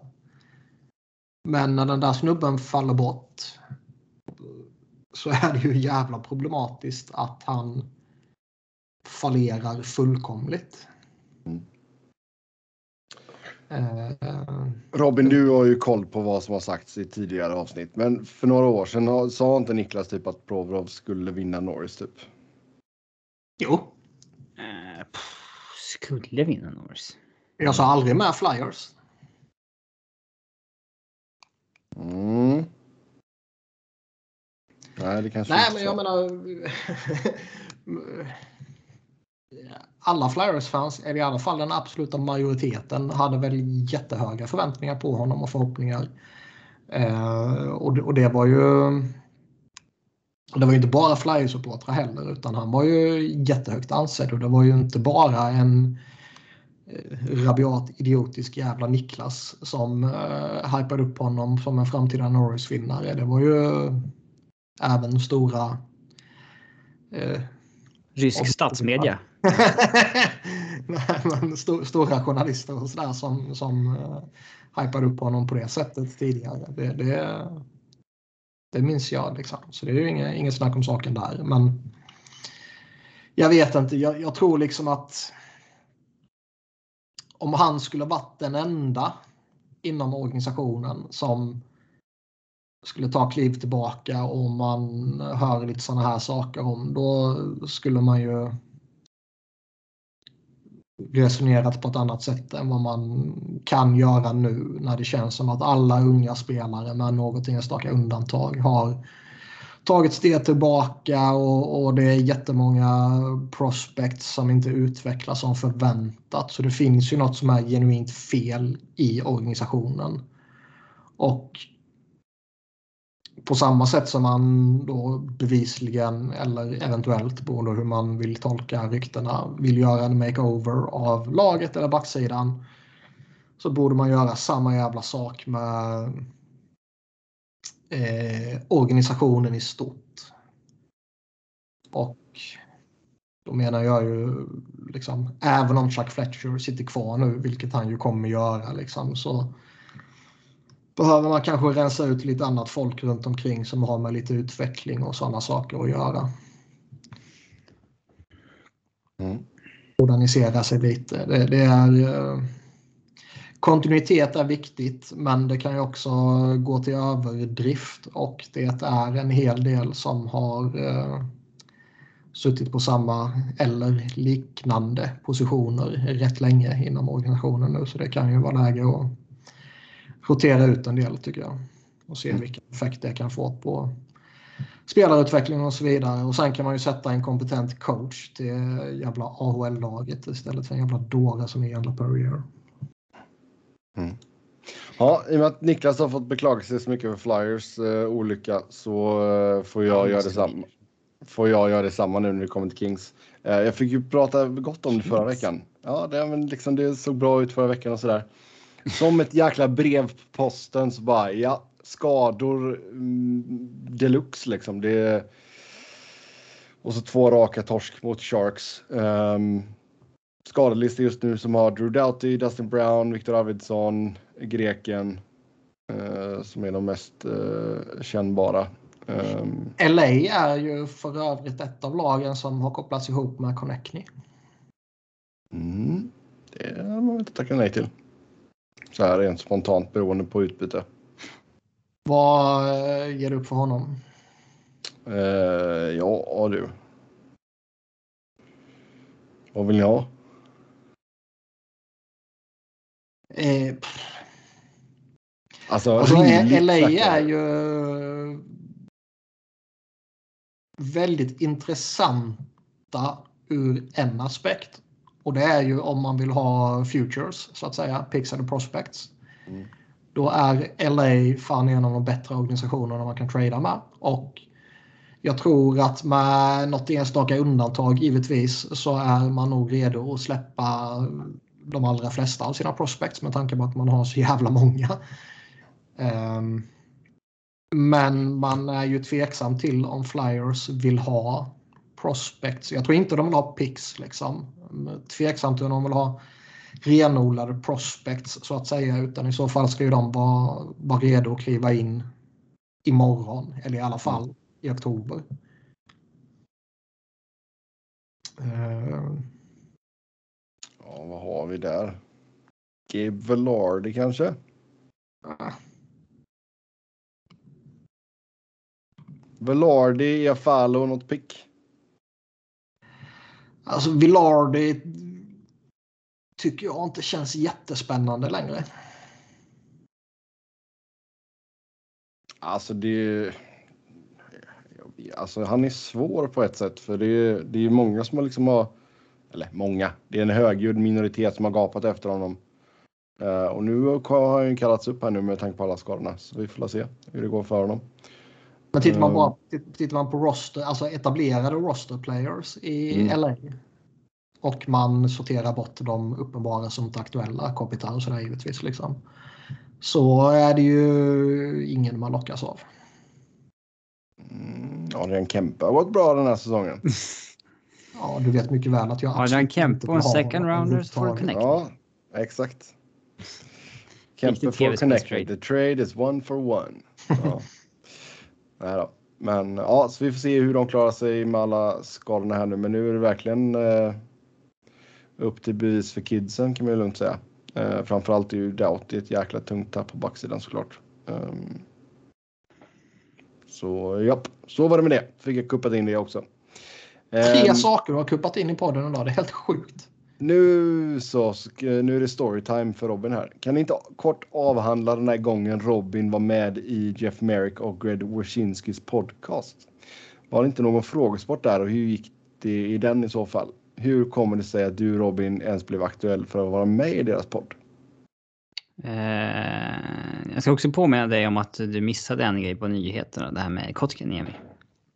Ja, bra. Då tar vi det Men- efter denna. Ja, nej men jag, de hade ju... Det ska sägas då att då var ju Merrick vs. Wyszynski den absolut största podden om NHL. Ja, ja, ja. Utan Det fanns ju ingen annan som var så pass populär. Eh, Efter våran då. Ja. Utanför rikets gränser i alla fall. Men eh, de hade väl någon så här att man mejlade in om man ville vara med. De hade en gameshow varje fredag när någon fick vara med. Någon lyssnare och så ställde de en frågesport typ. Eh, och de sa vill du vara med så får man mejla in och så kommer vi ta med den sjunde som mejlar typ. Du vet sådär, så väldigt Mm. klassiskt amerikanskt. Ja, visst. Caller Att number här, seven. The 97th caller will be... Mm. Ja. Eh, Jag tror att det var en sjunde man skulle vara. Och eh, ja, jag skrev och så var jag den sjunde. Eh, och så var det med det. Eh, och så frågade de ett nummer så sa jag, kan man inte köra Skype? Och så nej, det går inte. så att ja, då fick jag ge ett nummer och då sa de att ja, men vi kör ehm, eh, nästa vecka. För att eh, när du sa att du ville köra Skype så tog vi en annan den här veckan så att eh, vi, vi är med dig nästa vecka. Eh, så okej. Då hade jag en vecka på mig att gå och grubbla på så här, vad fan kommer de ha för frågesport? För de brukar ju alltid ha ett typ tema. Mm. Eh, och ibland var det ju typ ett tema som, ja men typ så här, kunde handla om vilka jävla arenor som liksom juniorlagen i Kanada hade och så där. Och där är man ju helt, eh, där är man helt rökt. Alltså där har man ingen aning. eh, men som tur var när jag kom på så sa de eh, att de körde eh, svensk tema. Så då var man lite lugn direkt. Alltså, oh, det kommer man inte göra bort sig i alla fall. Um, och man behövde få sju eller åtta rätt tror jag för att vinna något pris. Uh, jag minns inte exakt. Uh... Man skulle ju ändå kunna göra bort sig, i alla fall jag, på svensk runk. Ja, men det var så här vilken svensk uh, har gjort. Jag menar, de frågade vilken svensk har gjort flest mål i boxplay i ligan. Eh, och den hade jag rätt på att jag gissade Mats Sundin och så här. Man kan ändå liksom för ett resonemang då gissa sig fram och inte framstå som blåst. Mm. Eh, men jag minns inte så många andra. Det framstår ändå som blåst i ett tillfälle. Ja, det, det gjorde jag väl inte, men eh, jag, var, jag fick otroligt mycket cred alltså på Twitter och så där.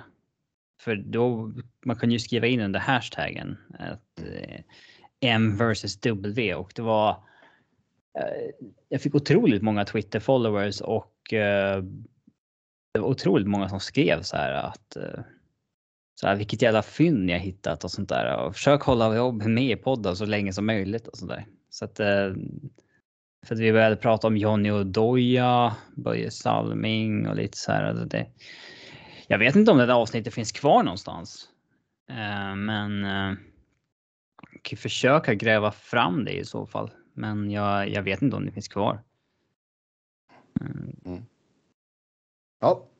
Det är ju från det här eh, avsnittet som det legendariska Jonathan Chichicho Uh, jag skulle säga Jonathan Chicho och sa Chichicho. Någonting, jag stamma till eller någonting. Jag vet inte.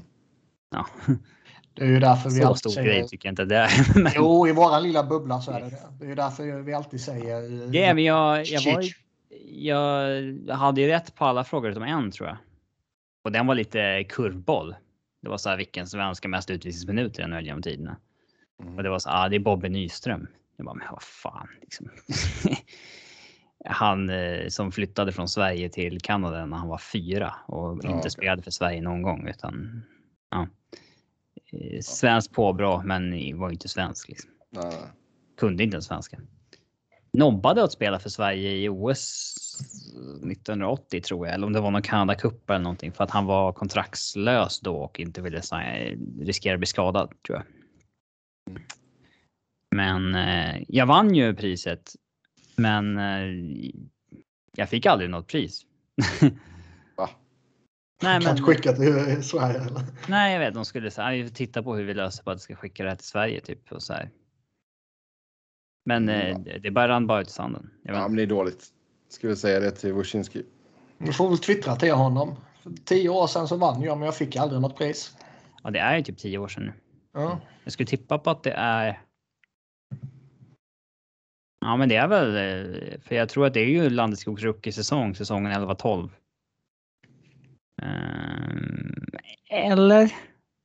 Nej, jag tror att det är två år senare när Avs under Patrick Raw begått slutspel och mm, ser bra ut men är inte bra. Så det är nog säsongen 13-14. Och eh, så då är det väl åtta år sedan. Men det avsnittet borde, det går nog få fram någonstans. Mm. Yes, som sagt, en grej som jag glömde där på bland nyheterna. Eh, Carolina sägs ha en överenskommelse med Jesper Kotkaniemi, åtta år och capiten förväntas landa mellan 4,25 4,5. Ja, alltså jag äh, har. Bettar man på potentialen? Ja, jag. Han har ju redan fått otroligt mycket pengar sett vad han har åstadkommit. Eh, kan man ju säga. Och jag har, alltså jag har oerhört svårt att förstå vad... Han är väl eh, lite halvintressant så. Men... 7 eh, miljoner ska han ha dragit in. Ja, han fick ju det här offersheetet så att säga. Så att, mm. 6,1 ja. miljoner. Men det här, det här måste ju, är det här en, en modern variant av Kalle Järnkrok-kontraktet? 4,8 är kanske inte så mycket om några år. Men eh, Nej. det kan absolut bli liksom Alex Wennberg av det hela också. Mm. För att han är verkligen inte så. Alltså. Alltså man, man, man ser ju inte det här som ett självklart eh, fynd om man säger så. Nej. Däremot men det är lätt det ju... utifrån att säga att ja, men det är väl ett värdigt bett, men internt hade jag inte vågat trycka på den knappen. Alltså. Nej, han är väl stabil och, och vettig sådär, men uh, fan ska man committa på någon på, på åtta år även om pengarna inte är så stora så. Två säsonger nu där han gjort ungefär 20 poäng på 50 matcher. Mm. Där vill man ju ha lite, lite större uppsida kan jag tycka. Visst, han är fortfarande ung och så vidare, men. Han spelar liksom under 10 minuter i ganska många matcher. Mm. Så att han har väl gjort okej okay med poäng sett i minuter, men. Alltså jag, jag tycker att han måste bevisa mycket mer, men de har ju satt sig en lite jobbig sits med det här offersheetet att de eh, måste ge ett ganska stort qualifying offer eller signa long term där man trycker ner capiten. Ja. För att man vill ju inte folk sa ju att det var så här, men det är så låg, low risk, high reward på att ge det offersheetet. Men du vill ju inte låta honom gå ett, efter ett år bara för att du inte vill. Mm, alltså du vill inte låta honom gå gratis om ett år efter att ha signat honom på ett offersheet och gett upp de draftvalen. Nej, och var det inte snack till och med när de signade honom till, till det här offersheetet att, att um, de redan hade diskuterat en, ett framtida kontrakt som uh, ja, skulle, skulle gå in under de siffrorna. Liksom. Det låter ja. bekant. Men det är ju väldigt... Jag, jag, förstår inte hur man kan göra det, för det hänger ju väldigt mycket på om Kotkaniemi gör 10, 20, 40 eller 60 poäng i år. Jo, man kanske målar upp tre olika scenarion. Ja. Jag vet inte, men jag för mig det var sånt, eh, sådana rykten i alla fall. Mm. Japp. Eh, sen då ska vi se här. Bästa årtiondet i modern tid. Nåja. 80-talet. Ja, inom NHL. Då är det alltså 80-tal, mål och obefintligt målvaktsspel. 90-tal, sköna profiler och till större delen fortsatt många mål. 00-tal, införande av salary cap, färre antal mål. Och så 10-tal och då undrar de vad kännetecknar 10-talet? Är man en 90-talsromantiker? Är man lite för smal om man säger att 10-talet ändå var the emergence of analytics och den biten? Det är nog väldigt många som skiter heligt i det. Mm. Det är nog lite väl nischat kanske. Kanske. Även om det är en... Uh, det är väl en kombination faktor. av att det, hockey blivit mer nördigt och att man har börjat uh, eh, ja, så, vad ska man säga, avvecklandet av fighters liksom och den biten. Det är nog snarare mer relevant i någon form av historisk kontext. Mm. Än, än, att eh, lyfta analytics med tanke på att det ändå är rätt många som skiter helt i det. Eh, men avvecklandet av fighters och enforcers och allt vad de nu kan kallas. Det är ju en, en rätt eh, relevant eh, Sen skulle väl vissa rubricera det som Crosby vs Ovechkin decenniet. Jo, men... Eh, fast det inte riktigt är Messi vs Ronaldo. Nej, jag, jag, nej, jag tycker visst, det, det, var väl kanske den, den stora rivaliteten så att säga. Men eh, det var ju ingenting som präglade ligan liksom. Nej, däremot om man summerar 10-talet i fotboll, då säger man ju liksom Messi mot Ronaldo. Mm. Eh, liksom kanske de två bästa spelarna genom tiderna som spelade samtidigt under det här decenniet. Och ja, i samma liga till och med. Ja. Men det är nog, ja, jag skulle nog ändå fighters försvinner. Liksom. Det, det är ändå en, eh, en stor relevant historisk faktor. Ja, allmänt börjar man tygla det fysiska spelet lite. Ja. Eh, man kan ju säga att ligan inte har gjort tillräckligt och bla bla bla, men det är ju inte tillåtet att tackla på ett sätt nu som var ändå tillåtet 2010. Nej, och Nej. alltså hur du bara kunde hooka någon som en jävla galning. Ja, det var ju inte 2010 också. Det Nej, men 80-talet. alltså. Ja, 90-talet också. Ja, men inte post lockout. Nej. Sen får man ju göra en... Eh, alltså den första hälften av 00-talet och den andra hälften av 00-talet är ju inte... Det är lite olika världar. Ja, det, exakt. Första hälften är ju mer åt, åt 90-talet. Liksom. Och sen så kommer lockouten och eh, de här stora regeljusteringarna som det ändå blev. Och eh, ett lönetak. Eh,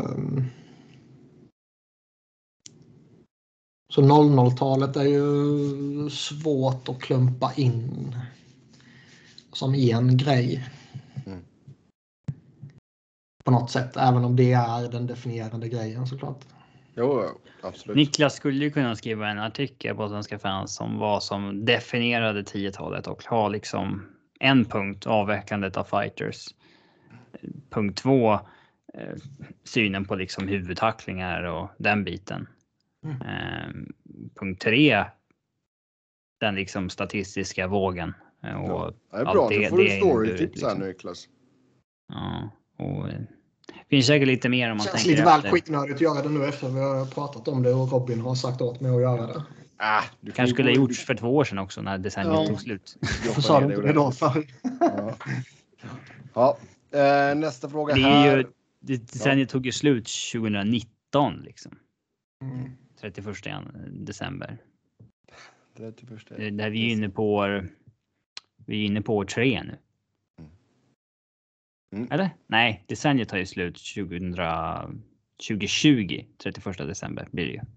För det är ju tionde året. Så att så att, ja, vi är inne på år två då. Men eh, kom vi fram till vad vi tycker är bäst? Vilket årtionde som är bäst? Var det en Måste- fråga? Mm. Ja, det var väl uh, frågan. i Sen gjorde vi det till vad, gjorde vad vi det som till något helt annat. Ja. Nej, ja. Alltså, eh, ingen av oss ska sitta och säga att 80-talet är ju- 80-talet var bäst. Liksom. Nej, nej. Alltså, det kan jag 80-talet är ju svårt att säga något om eftersom ingen av oss upplevt det utan bara får gå på vad man har läst och, och sådär givetvis. 90-talet och en bit kan in på my- 00-talet är ju, det har vi pratat om tidigare, det är när man växte upp och, och man alltid Det är en, ja, man har alltid en, en, en annorlunda känsla till det. Och det var liksom där som Eric Lindros och John Leclerc var som allra bäst. Så det, det ligger ju varmt om, om mitt hjärta givetvis. Mina, alla mina jäkla hockeykort där alltså. Men det här att det var sköna profiler, alltså det är så här. De som spelar för 20 år sedan kommer ju alltid se ut som sköna. Om 20 år sedan kommer folk titta tillbaka på 10-talet som att oh, Ovechkin, Crosby och wow. Mike- och ja, Malkin Mike och, ja. Alltså så här, det är inte så att det var skönare spelare då mot nu. Sen kanske det kommer något decennium som är lite profilfattigt. Mm. Så är det ju. Eller några kortare perioder. Men det, ja, att romantisera 90-talet handlar ju mer om att man var en del själv av hockeybildseran bara. Liksom. Och de spelarna som var coola då. Mm. Eh, inte att de egentligen sticker ut i något historiskt perspektiv. Eh, men eh, Jag har, glömt av, jag har glömt av vilken tillverkare det var, men det var ju någon som körde de här guldkorten eh, något år. något år. Eller några år kanske till och med. Fan vad man, åh, vad man ville ha dem. Mm. Patrick, Patrick Roy Gold. Man bara uh. En av våra lyssnare drev faktiskt en hockeybildsbutik. Under den här perioden. Åh fan. Det är fan en nischad butik alltså. Mm. Mm. Jag vet, jag vet inte, det, kanske såldes det är ju som de här, vad fan heter det? Nej men jag vet, det var ju en butik i, i Göteborg som körde alltså Alltså ganska brett. Alltså de körde hockeykort, de körde klisterbilder för de här eh, fotbollsgrejerna. Ehm, De körde typ bräd. Jag tror de körde typ brädspel och typ Magic-kort och hela, hela snurren liksom. Men att bara ha Ja, det vet jag inte jag. Kan jag ha sålt mackor också? Eller något. Mm. Ja, man vet aldrig. Nej, alltså sen det var ju någon annan. Lyssnarna får delta i podden. Just. Magic-kort var ju lite roligt nå något år. Eh, Vad det sa du Magic. Magic. Ja. Har du aldrig hållit på med Magic-kort? Nej. Ja, Okej. Det förvånar mig lite med tanke på att du gillar Sagan om Du ringen. vet och såna säkert grejer. vad det är, men att du vet inte ditt begrepp på det. Magic-kort. Ja, man säger bara Magic-kort. Men skit i det nu. Ehm, Vi vet inte vilket som var bäst. nej. Alla har sina Alla hade sin charm. Ja, mycket möjligt. Ehm. nej men alltså, för, men sen kan jag ju säga att jag var ju jäkligt glad när vi väl fick sändningar i HD. Det, det var en sån här grej. längre. Ja, Det har vi inte längre. och sen inte matcher i HD. Nej. Inte sen samhället gick över till streaming. Vad streamas de i? Standard definition 720p. Ja, 720 räknas ju som HD. Ja, är Sen inte HD. 1080p full HD. Men det är därför man ska ha en box som upscalar till 4K. Pro tip. Nu har jag googlat lite Magic och Ja. eh, känner igen vad det är för någonting. Men eh, ingenting jag pysslar med. Ja, det kanske är lite väl sent att ta upp det nu. ja. du och 13-åriga kids som bara... Eh, Eh, men ja. Ja, eh, då ska vi se. Eh, Sen är det en Washington Supporter som har skrivit in, här. Var Caps-fan sedan 1992. Två veckor av enbart felbeslut har förändrat detta något. Så pass mycket att jag skäms över den pissiga jävla organisationen. Så hur gör man nu? 44 år gammal kan man välja ett nytt lag. Hur tänker man? Geografiskt, välja efter spelare, sämsta laget. Det här pratade ju Offsides podcast en del om. Eh, att det här med liksom support your local team och så vidare. Att det laget man börjar heja på från början, det är ju, kan ju grunda sig i något skitdumt egentligen. Alltså bara något att du råkade se en match på tv eller att du fick ett hockeykort eller liksom. Det, ja, eh, men om man faktiskt skulle eh, välja ett lag idag och gjorde typ någon sån här valkompass. Är det viktigt för dig att eh, supportrarna har liksom lutat till vänster politiskt eller och liksom, att de ska ha många titlar i historien och bla bla bla bla bla. Och så får man ut så ett utlägg så här. Sebastian. Du är Blackburn Rovers. Typ. Usch. Eh, eh, dock så är ju NHL så pass smalt att alla organisationer är ju liksom samma skit. Likadana. Ja, alltså det är ju det är företag liksom. Ja, som ägs av ligan. Och, Mm. eh, men om man ska hoppa på något nytt nu så är väl det enda som är okej liksom Seattle. Typ. Alltså, alltså det är ju svårt om du har haft ett lag som sagt innan. Liksom. Det är väl en grej om du kommer helt som grön som bara, ah, men jag gillar NHL. Eller liksom. Då kan du väl egentligen välja vilket lag du vill.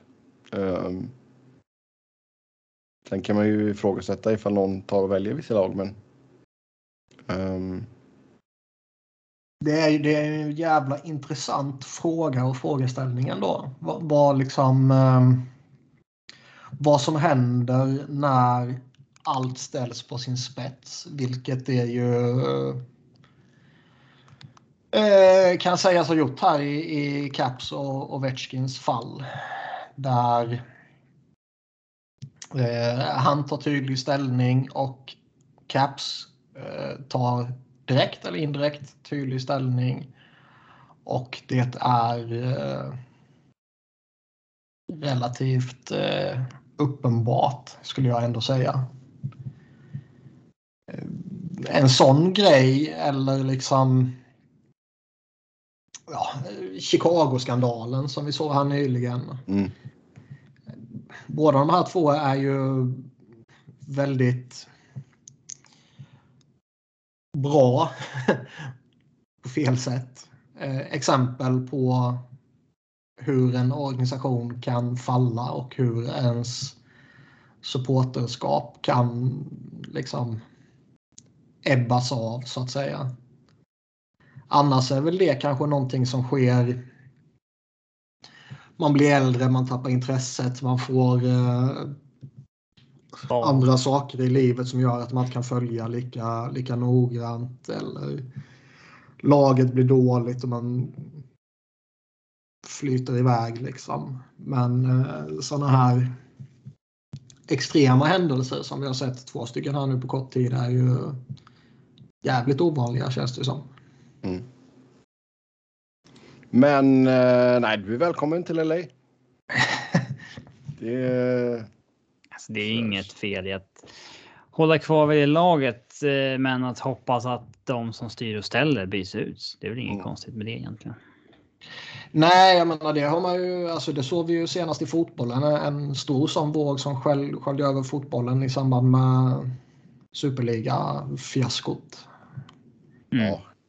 Det blev ju enorma process, pro, nu kan jag inte prata, protestaktioner. Mm. eh, framförallt i England, vilket är det jag har bäst koll på. Jag vet inte riktigt hur det var i, i de övriga länderna. Men eh, där var det ju extremt tydligt. Det var Arsenal. Italienarna var, var inte särskilt nådiga heller. Nej, det är mycket möjligt, men det har jag inte koll på.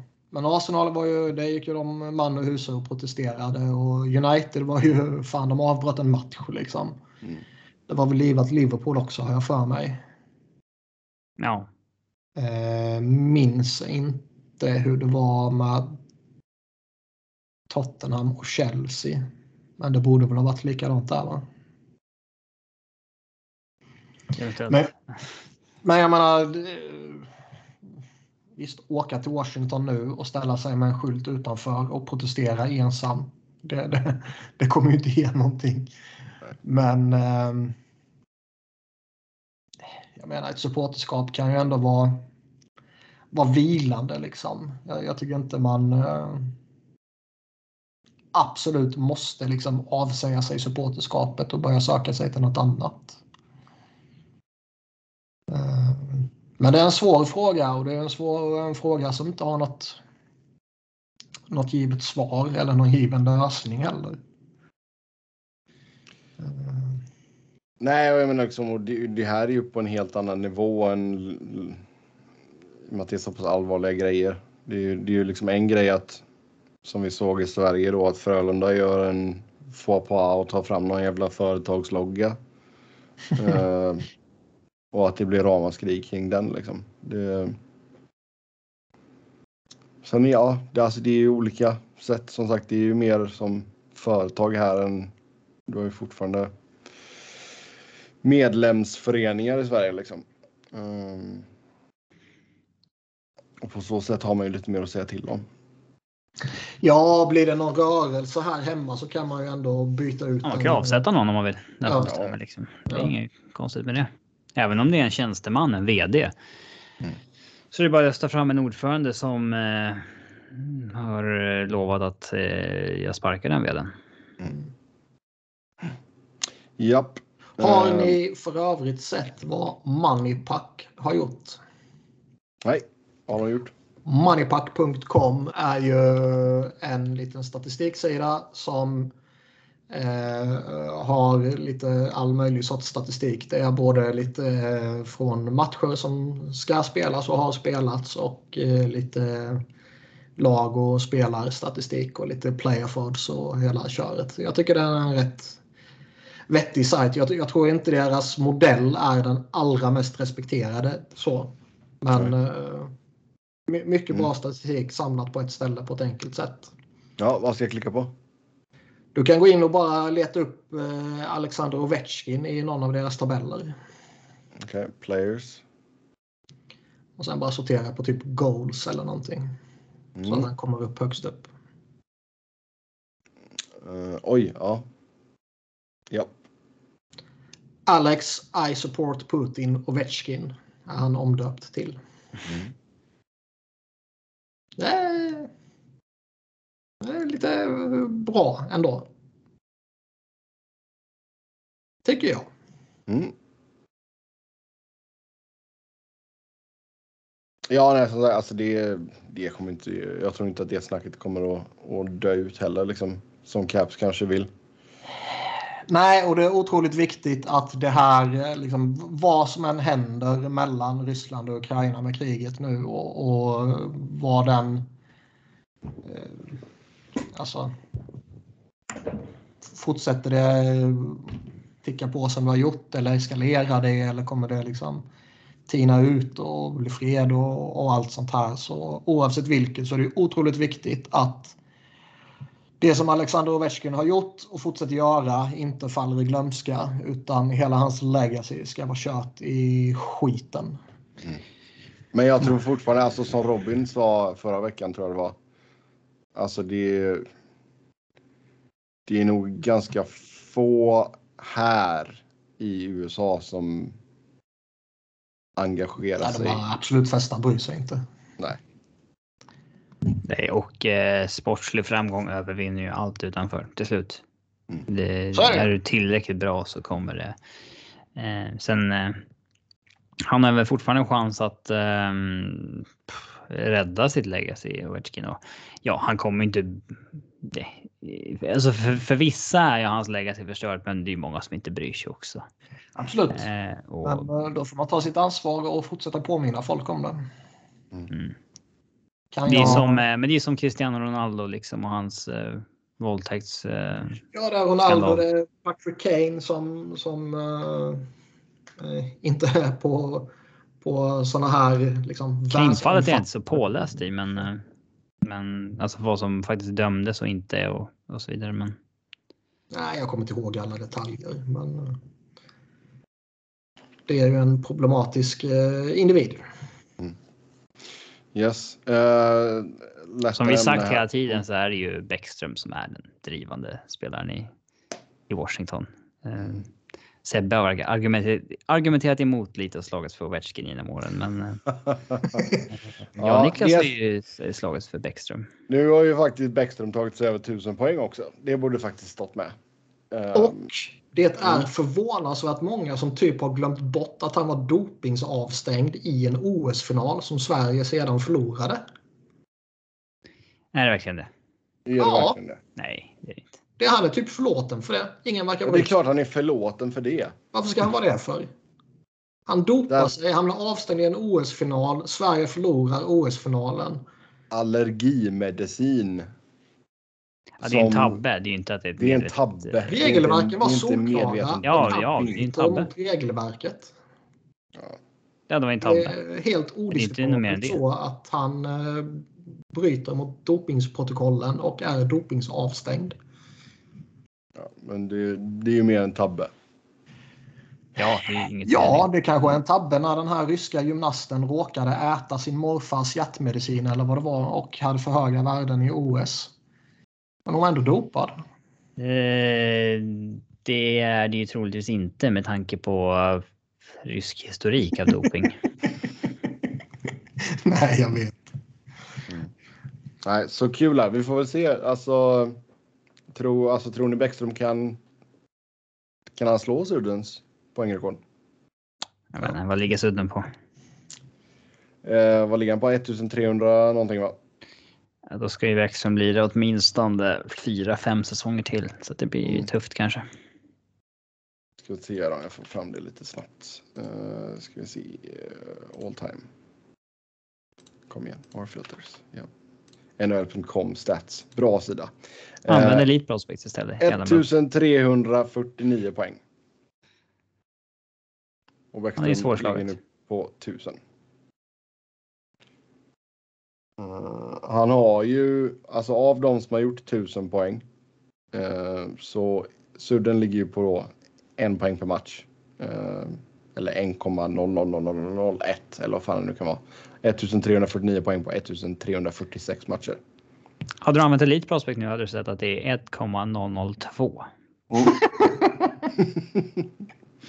eh, Bäckström då ligger på 0,96. Ja. Så... eh, Nej, men han måste ju lira fem säsonger till kanske. Så, Den stora skillnaden är ju att Mats Sundin faktiskt gjorde det här genom att spela majoriteten av sin karriär utan en Odopad. enda värdig, eh, ja, odopad till att börja med. Och spelade hela karriären, eller majoriteten av karriären, utan en enda värdig eh, winger. Ja, det är fan eh, helt uh, sjukt vilket dåligt. har glidit eh, fram på en jävla räkmacka jämte Ovechkin. Mm, ja, alltså det har hjälpt eh, något enormt. Ja, det har dopat hans siffror något. Eh, dopat också. Mm. Eh, rysk doping. det Ja, är, det är det. eh, nej, men han har väl lirat med liksom. Alltså Sudden leder väl med en åldrande Wendell Clark någon gång och Han hade väl Mogilny jämte sig vid något tillfälle. ja, men det var också inte i hans heydays. Nej. Men en av de bästa han har lirat med för fan på riktigt Jonas Höglund liksom. Det är Ja. ju mörkt. något tillfälle typ. Ja. Sen hade han väl lite omkring sig där i Quebec i alla fall. Ja, eh, visst. Han ledde ju med Sakic då, liksom. det ska komma ihåg. Eh, och jag gjorde ändå fyra år där. Mm. Tänk vad Colorado hade haft för Dynasty om Ja, de ja. inte hade bytt bort Sundin mot Wendell Clark Oh, ja. precis innan flytten till eh, Colorado och Foppas intåg. Mm. Alltså då hade de haft Foppas, Sudden och Ja, bra. Sakic i slutet på 90-talet. Det hade varit... ehm, man hade nog haft en tredje kupp. Mm. En ku- Så den hade haft någon kupp. Ja. Eh, Niklas här, ett citat från Chandler Stevenson som jag tror du skulle uppskatta. Eh, Från? Vega, Chandler Stevenson. Mm. Eh, Vegas förlorar ju här mot eh, Columbus och har ju inte gått så bra eh, det senaste. Um, Chandler Stevenson säger I'm sick of it. Everybody is sick of it. Everybody needs to dig deeper, grab their nuts and work. ja. Vegas Eh, bekant med är, ju min på, eh, är ju på riktigt eh, alltså eh, i farozon för att missa slutspel. Ja, de ligger på sista villkorsplatsen nu. Dallas har en sämre poäng bakom poängfart. med tre matcher mindre spelade. Ja, sämre poängtakt än, eh, Mm. än, eh, än Dallas. Så Mm. att, eh, det är faktiskt lite kul. Deras organisation förtjänar fan att missa slutspel snart. Och jag menar, du har ju Vancouver i bakhasorna också. Ja, och de är ju ett... eh, Det är inte samma lag som första 20 matcherna på säsongen, så de äter ju sig sakta i kapp. Ehm, Det ska bli lite intressant här nu eh, vad som händer med Lenar också. Mm. Jag vet inte om det kommit ut något nytt om honom. Då har jag missat det i så fall. Nej, jag eh, tror inte det. Han fick ju åka hem på undersökning och grejer. Och eh, jag menar Stone är, är borta. Martinez är borta. Eh, skulle det bli aktuellt med någon comeback för Stone eller om det kanske till och med räcker med Martinez eller vad det nu är. Jag kommer inte ihåg allting så. Så måste de ju trada pengar för att få plats med alla också. Ja, just det. Så det är ju potentiellt eh, en spännande vecka för dem här nu innan deadline. Oh ja. Ja, De har inte kvar sitt första heller. Nu bytte de ju Eichel. Mm. Men eh, ja, det är top 10 protected. Så att, Men ehm, man börjar ju känna lite i Western att det det är lite upp till Colorado och Calgary. ja, kanske. Man har ju Det- svårt, man har ändå svårt att se liksom beroende på vad som händer med Vegas då, men de känns skakiga alltså. Men allting kanske stabiliseras när de får tillbaka sina skadade spelare och är en full roster så att säga. Det vore ju surt att vinna divisionen, eventuellt vinna President's Trophy och få Vegas i första rundan. eh, ja. Den är ändå jobbig alltså. Mark Stone kom back i match 1 och är liksom helt jävla utvilad och bara blåser på. Ja, ja men det är en annan grej att möta dem än att möta ett Nashville eller ett eh, Vancouver oh ja. som halkar sig upp. Liksom. Det. Även fast alltså, Nashville har en ganska bra högstanivå i sig då, får man ju säga. De kan nog... Eh, jag tror inte de blir en jävla pushover i en första runda. Ja, det är väl bland det lättaste du kan möta. Kanske. Ja. Eh, varför klär lagen ut sig inför utomhusmatcherna? För att det är en kul grej. För att det är i USA och det är jippo. Mm. En kul grej. Jag, fatt, jag fattar liksom ändå. Jag... jag vet inte hur det började. Har de gjort så här länge? Um, jag kan ja, inte det har de väl. Var det här en grej innan detta året? Ja, alltså Boston kom ju i... I... Ja, de körde typ 90-talsstuk, va? Eller 80-talsstuk. Um...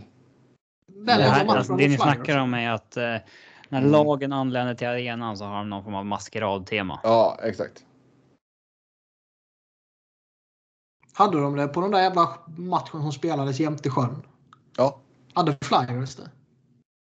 Jag kommer inte ihåg vad Flyers gjorde, men Boston körde ju 80-tals tror jag. Jag kommer inte ens ihåg om jag tittade på den jävla skitmatchen.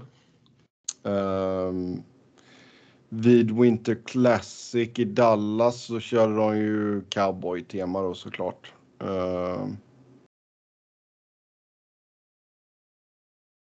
hur var det innan dess? Det kommer jag inte ihåg. Men det, ja, det har åtminstone hållit på i några år. Ja, det... Som vi konstaterade. Jag menar, Colorado kör inte de... är så jävla värdelösa på att promota sina eh, event i alla fall. Nej, det är en kul grej. Kör på. Um, sen åsikt om hur Kessel förlängde sin streak. Han tog ju ett byte då i ma eh, matchen häromdagen blir det väl, eller förra veckan. Um, tog ett byte för att han liksom ska reggas så att han har spelat och sen satte han sig på ett privatjet tillbaka för att hans uh, fru skulle föda. Först och främst miljösvin. uh. Nej, men alltså. Det, jag har svårt att fatta varför Ironman Streak är en sån speciell grej i NHL. Eh, det, det är ju inte en grej i Sverige. Det är ingen som snackar om att någon har lirat 300 matcher i rad eller 400 matcher i rad. Eh, Nej, det är ingen det är som har koll på de där grejerna. Det är mer hur många matcher du har gjort. Alltså inte just ja. att det är på raken liksom. Så där, det är lite konstigt att det är en sån jävla grej och det, det är ju... Alltså det devalverar ju värdet av det om man liksom fusk håller igång den. Mm. Fast är, är det någon skillnad på att han hoppar in och gör ett byte, flänger iväg ett skott på mål och sen hoppar ut och tar en privatjet hem. Liksom. Jämför det med Eh, när liksom Floridas trupp typ hotar om att göra myteri om de petar Jandal trots att han kanske förtjänar att bli petad. Liksom. Mm. Eller som det är i Flyers nu där han är i klappkass och det är så jävla uppenbart att han inte håller tillräckligt hög nivå. Men han får spela vidare för att han ska hålla sin streak igång. Liksom. Jag vet inte alltså, man ska jämföra de två grejerna, men det. Men hade Flyers slått om, slått om en slutspelsplats så kanske han hade varit petad. Nej, jag är, nej, definitivt inte. Jag tror det är, och det sa Man verkar ju bygga, bygga upp någon eh, typ diplomatisk immunitet om man har en streak. Ja, det är ju så. För jag menar, alltså de, Florida var ju verkligen, de gick upp mot eh, coach Q, liksom, en av de mäktigaste coacherna i ligan som fortfarande hade ett gott anseende eftersom det inte hade Chicago-skandalen hade inte briserat än. Liksom. Mm. Eh, och så fick han ju spela vidare. Och jag sa ju när, när Flyers signade honom att det, det orosmomentet som finns är ju att eh, det där kommer vara en grej som hänger över organisationen om han är dålig. För man kommer inte vilja peta honom. Eller om man petar honom så kommer det bli en sån jävla grej av det. Liksom. För det finns ju ingen coach som är det minsta intresserad av att liksom bibehålla omklädningsrummet intakt som kommer peta honom. Mm. Och nu vis av erfarenhet så vet vi att coach Qs liksom, eh, moraliska kompass var trasig i bra många jävla år. Liksom. Så han kanske sket i det. Men, men eh, ska man hålla ett omklädningsrum i, i harmoni så behöver man ju hålla en sån streak igång i NHL, verkar det ju som. I synnerhet om det är en skön dude som eh, Keith Jandels fall till exempel. Ja men alltså hela streaken devalveras ju av om du egentligen borde ha varit petad men att du bara får spela för att du har den här streaken. Ja, ja. Då är det ju ingen grej längre. Alltså du ska nej, nej. Det blir ju speciell om det handlar om att du faktiskt har varit tillräckligt bra för att spela alla de här matcherna. Du har aldrig varit skadad. Du har aldrig haft någonting annat som har tagit dig bort från en match. Men om Nej, men det är det jag menar. Liksom då, då kan man ju ändå jämföra Kessel och, och, och Jandel till exempel. För Kessel är ju... Ja, men det blir så här, okej, okay, vem håller sig i ligan längst? Ja. Men nu ska bägge bara spela...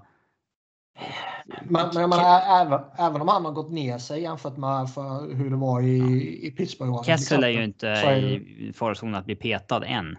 Nej, men, det är det jag menar. Jandel bör ju vara petad. Ja.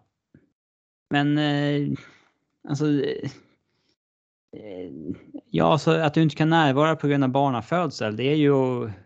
Det är klart att det, det är en del av spelet också. Det gör ju att du inte borde vara tillgänglig den här matchen och att det är då din streak bryts. Eller så har man ett jävla ansvar som professionell idrottsman att planera in sådana saker till off-season. Det kan vi också göra, men... Eh, ja, fast nu gick ju hennes vatten tidigare än vad de... De skulle ju... Det var ju planlagt att göra Det skulle inte gå i juni. Ja? Ni skulle nej, inte... Nej. nej, men det kanske skulle vara till typ helgen när de inte hade någon match eller någonting. nej, men så går det inte att planera. Man får ju planera in det på sommaren. att du föds barn på... Men visst, det är ju fördelaktigt att ha Q1-barn så att säga. Född som är födda första kvartalet. Det är ju bevisligen bra i livet att vara född första kvartalet. Ja. Januaribarn, ja. Bekräftar. Ja. Uh, ja.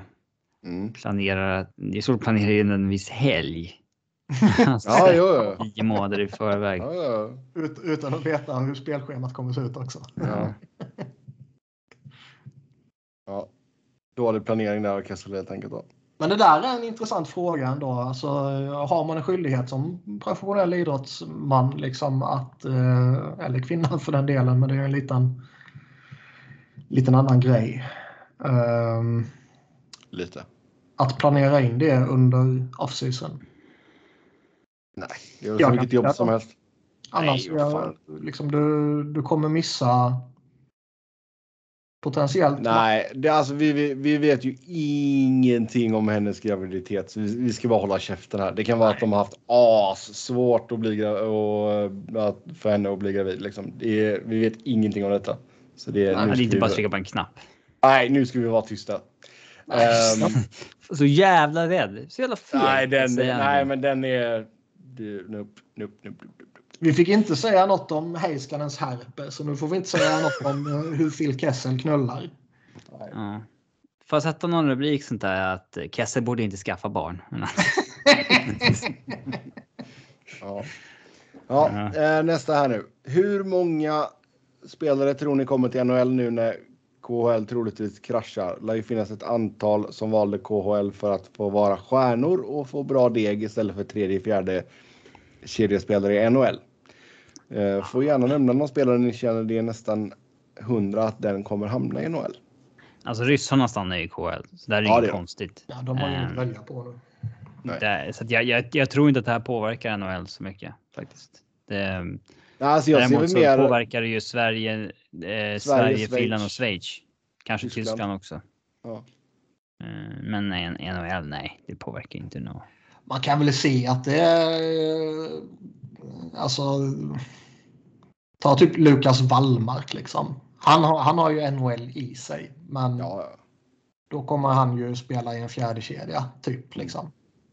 Förmodligen kommer han vara en helt okej spelare för en fjärde kedja. Men han kan ju ha varit en sån som har resonerat att det är eh, roligare att vara en first-liner i Europa och tjäna bra med pröjs i KHL till exempel. Mm. Jo, absolut. Men, men han, han skulle ju lika kunna gå till Schweiz. Vad sa du? Han skulle kunna gå till Schweiz. Ja, men jag menar sådana spelare skulle ju kunna trilla tillbaka in i NHL igen. Mm. Men det är ju inte någonting som kommer alltså, göra någon skillnad för NHL. Nej. Nej säg, att, det, säg att det trillar tillbaka 10-20 sådana liksom. Det är ju... Jo. Det, är ju alltså det, skulle, det skulle ju vara ifall liksom hela ryska ekonomin verkligen liksom kraschar och att KHL-lagen alla bara går i konkurs. Ja, nej, det är om hockeyn i Ryssland kraschar fullkomligt. Men det är inte säkert ja. att de ryska medborgarna får lämna landet för det. Nej, det kan nog... Eh, och jag menar, det, det kan, kan nog bli lite gammalt Sovjet över det här att vissa inte får lämna. Ja. Och det här kan ju påverka... Jag, jag tror det påverkar betydligt mycket mer inför kommande års eh, draft. Eller mm. drafter snarare. Eh, än vad det kanske gör i att några halvhyggliga svenskar, finnar, amerikaner, kanavicker och allt vad det kan vara kommer tillbaka till mm. fjärde kedjor i, i NHL. Liksom. Utan jo, det... alltså draften absolut. Det, det, det tror jag kan få en stor påverkan. Hur högt eh, kommer man våga plocka en, en ryss nu till exempel? Matvej Mishkov 2023. Ja. Conor Bedard kommer väl gå som etta. Han, han, eh, helvete vad han blåser på. Men Matvej Mishkov eh, har ju varit hypad i jättemånga år. Och liksom, vågar man drafta han som tvåa? Visst, nu vet man inte hur fan det är. en bit kvar till dess. Ja, exakt. Men eh, säg att han skulle gått nu till sommaren. Var, var vågar man drafta honom? Inte i en första runda. Jo. Jo, eller? Men vågar man göra det som tvåa, trea eller kommer man göra det på plats 17 eller 28? Mm. Får vi se då. Mycket som kan hända krigsmässigt tills dess. Så. Jo, givetvis. Men jag menar det. Jag inte säga någonting om nu. Ehm, Nej.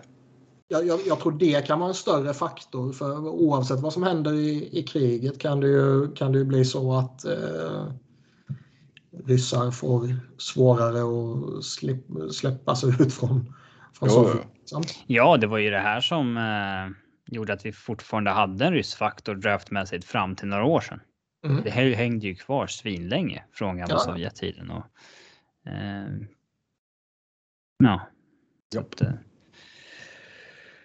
Han har väl till och med skrivit ett långt kontrakt va? Eller är det bara snack om att de vill aning. att han ska göra det? Nu blir jag osäker. Men han, eh, vad heter han, eh, Vancouver-ryssen? Podkolzin? Ja. Var det inte samma snack där? Att han hade ett långt kontrakt i, i Ryssland. Så liksom de, de försöker ju tvinga kvar dem. Ja, alltså de, ehm, de blir nog lite mer offensiva i det här att faktiskt hålla kvar spelare. Mm. Än att Eh, ja. Men en sån som eh, Mishkov kanske man eh, kanske man eh, alltså plockar på samma position som man skulle gjort tidigare och sen så för han är en sån gamebreaker och sen så får man väl göra som ni gjorde med Malkin och typ smuggla ut honom. Mm. Mm. Sen så får vi se här. Sista frågan för idag tror jag det blir detta. Hade det inte varit kul om det räckte med att bara en del av pucken korsar mållinjen för att det ska räknas som mål istället för att hela eh, pucken måste korsa? Fler mål, snabbare granskningar och spelarna skulle hitta på massa knasiga sätt att göra mål på. Med det här sättet. Oh, nej, jag ser väl ingen anledning till det. Nej. Hela pucken, hela bollen. Alltså problemet blir väl jämförbart. Alltså, Alltså det blir ju samma sak. Det blir samma blir- grej bara att ja. ja, Ja. alltså eh, istället Lite för att försöka ganska. hitta, nej, istället för att försöka hitta lite vitt mellan pucken och den röda eh, linjen så eh, behöver man lite hitta inte- lite svart som Mm. trycker över den röda linjen. Liksom. Ja, nej, det blir samma sak. För att man skulle granska grejer som man idag inte behöver granska. Mm. Jag det menar, det, jag inte blir ju, det kan man säga att det är mål varje gång man skjuter ungefär insida av stolpen. Men borde skott som tar i stolpe eller ribba räknas som skott på mål? Nej, Nej, det skulle det inte är gå helt skevt stati- statistiskt då. Okej. Du får ju alltså målvaktens statistik är ju liksom skott på mål minus mål. Att blanda in ramträffar där då så blir det jättekonstigt. Ja. Däremot så eh, en grej jag har tänkt på med näten i NHL. Jag hade ju velat ha mycket, alltså. Jag, jag stör mig på att målburarna har så tajta nät. Så att det blir ju liksom aldrig något nätrassel. Ofta så eh, studsar bara pucken rätt ut utan att du ens märker någonting. Du vill ha tillbaka det där gamla skynket som var hängde ner. Nej, men man vill. Eh, det ska vara tydligt när det blir mål. Det, de har ju lite lösare nät i Sverige eh, tycker jag och där. Eh, ehm, jag tycker det, det är så jäkla många mål som är att en puck bara studsar som en. Alltså studsmatta rätt ut utan att någon ens märker någonting i princip. Eh, jag, jag hade gärna sett att det är tydligare att pucken alltid blir kvar i målet när, när man skjuter in den så att säga. Aldrig att jag reflekterat över. Nej. Nej. Däremot så läste jag, eller lyssnade, jag kommer inte ihåg vad det var, någonstans eh, för det är nog ett par, tre, fyra veckor sedan kanske. Där de diskuterade om eh, när man tar in pucken i offensiv zon. Så går ju liksom, offsiden går ju så att säga när du tar dig förbi blålinjen. Eller fattar ni vad jag menar? Mm. Då börjar ju offensiv zon efter den blåa ytan där den vita tar över så att säga. Men när du är inne i offensiv zon så räknas ju blålinjen som offensiv zon Mm. och att det var motsägelsefullt. Mm. Det handlar väl bara om att det ska bli mindre- det. Handlar bara om att det ska bli mindre offside-blåsningar så det är väl bara bra. Ja, ja. Och att vara liksom lite motsägelsefullt att man har två olika streck så att säga. Mm. Om man skulle ta bort offsiden, vilken spelare tror vi skulle vara bäst på att bara stå framför mål och bara vänta på pucken? Ovechkin. Så bara parkera en jävel där bara. Mm. Ja, Skulle ändra hela spelet. oh ja. Oh ja. Sen så är man ju lite förvånad att de eh, i NHL inte har hittat på något jävla sätt att få eh, eh, teknik till att avgöra om pucken är över eller inte. Även om det är oerhört mycket svårare med en puck med tanke på att hur den ser ut i, i relation till en fotboll med en Mm. mållinjes eh, teknologin där till exempel.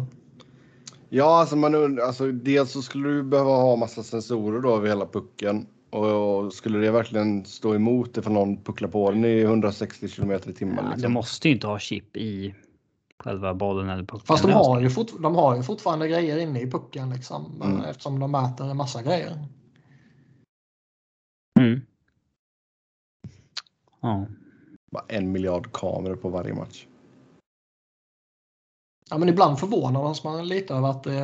ja, men det är fortfarande bara overheaden och titta på en suddig bild som är Mm. enda lösningen. Princip. På en liten iPad Mini. Ja. Ge tillbaka den här självlysande pucken. Ja. Yes, med det då så tar vi och säger tack och adjö för den här gången. Som vanligt så kan ni köta hockey med oss via Twitter. Mig hittar ni på Noren. Niklas på ett Niklas Wiberg, Niklas med C, Wiberg med enkel V. Robin på R underscore Fredriksson och podden på SV Fans NHL podd. Podd med ett D. Tills nästa gång, ha det gött!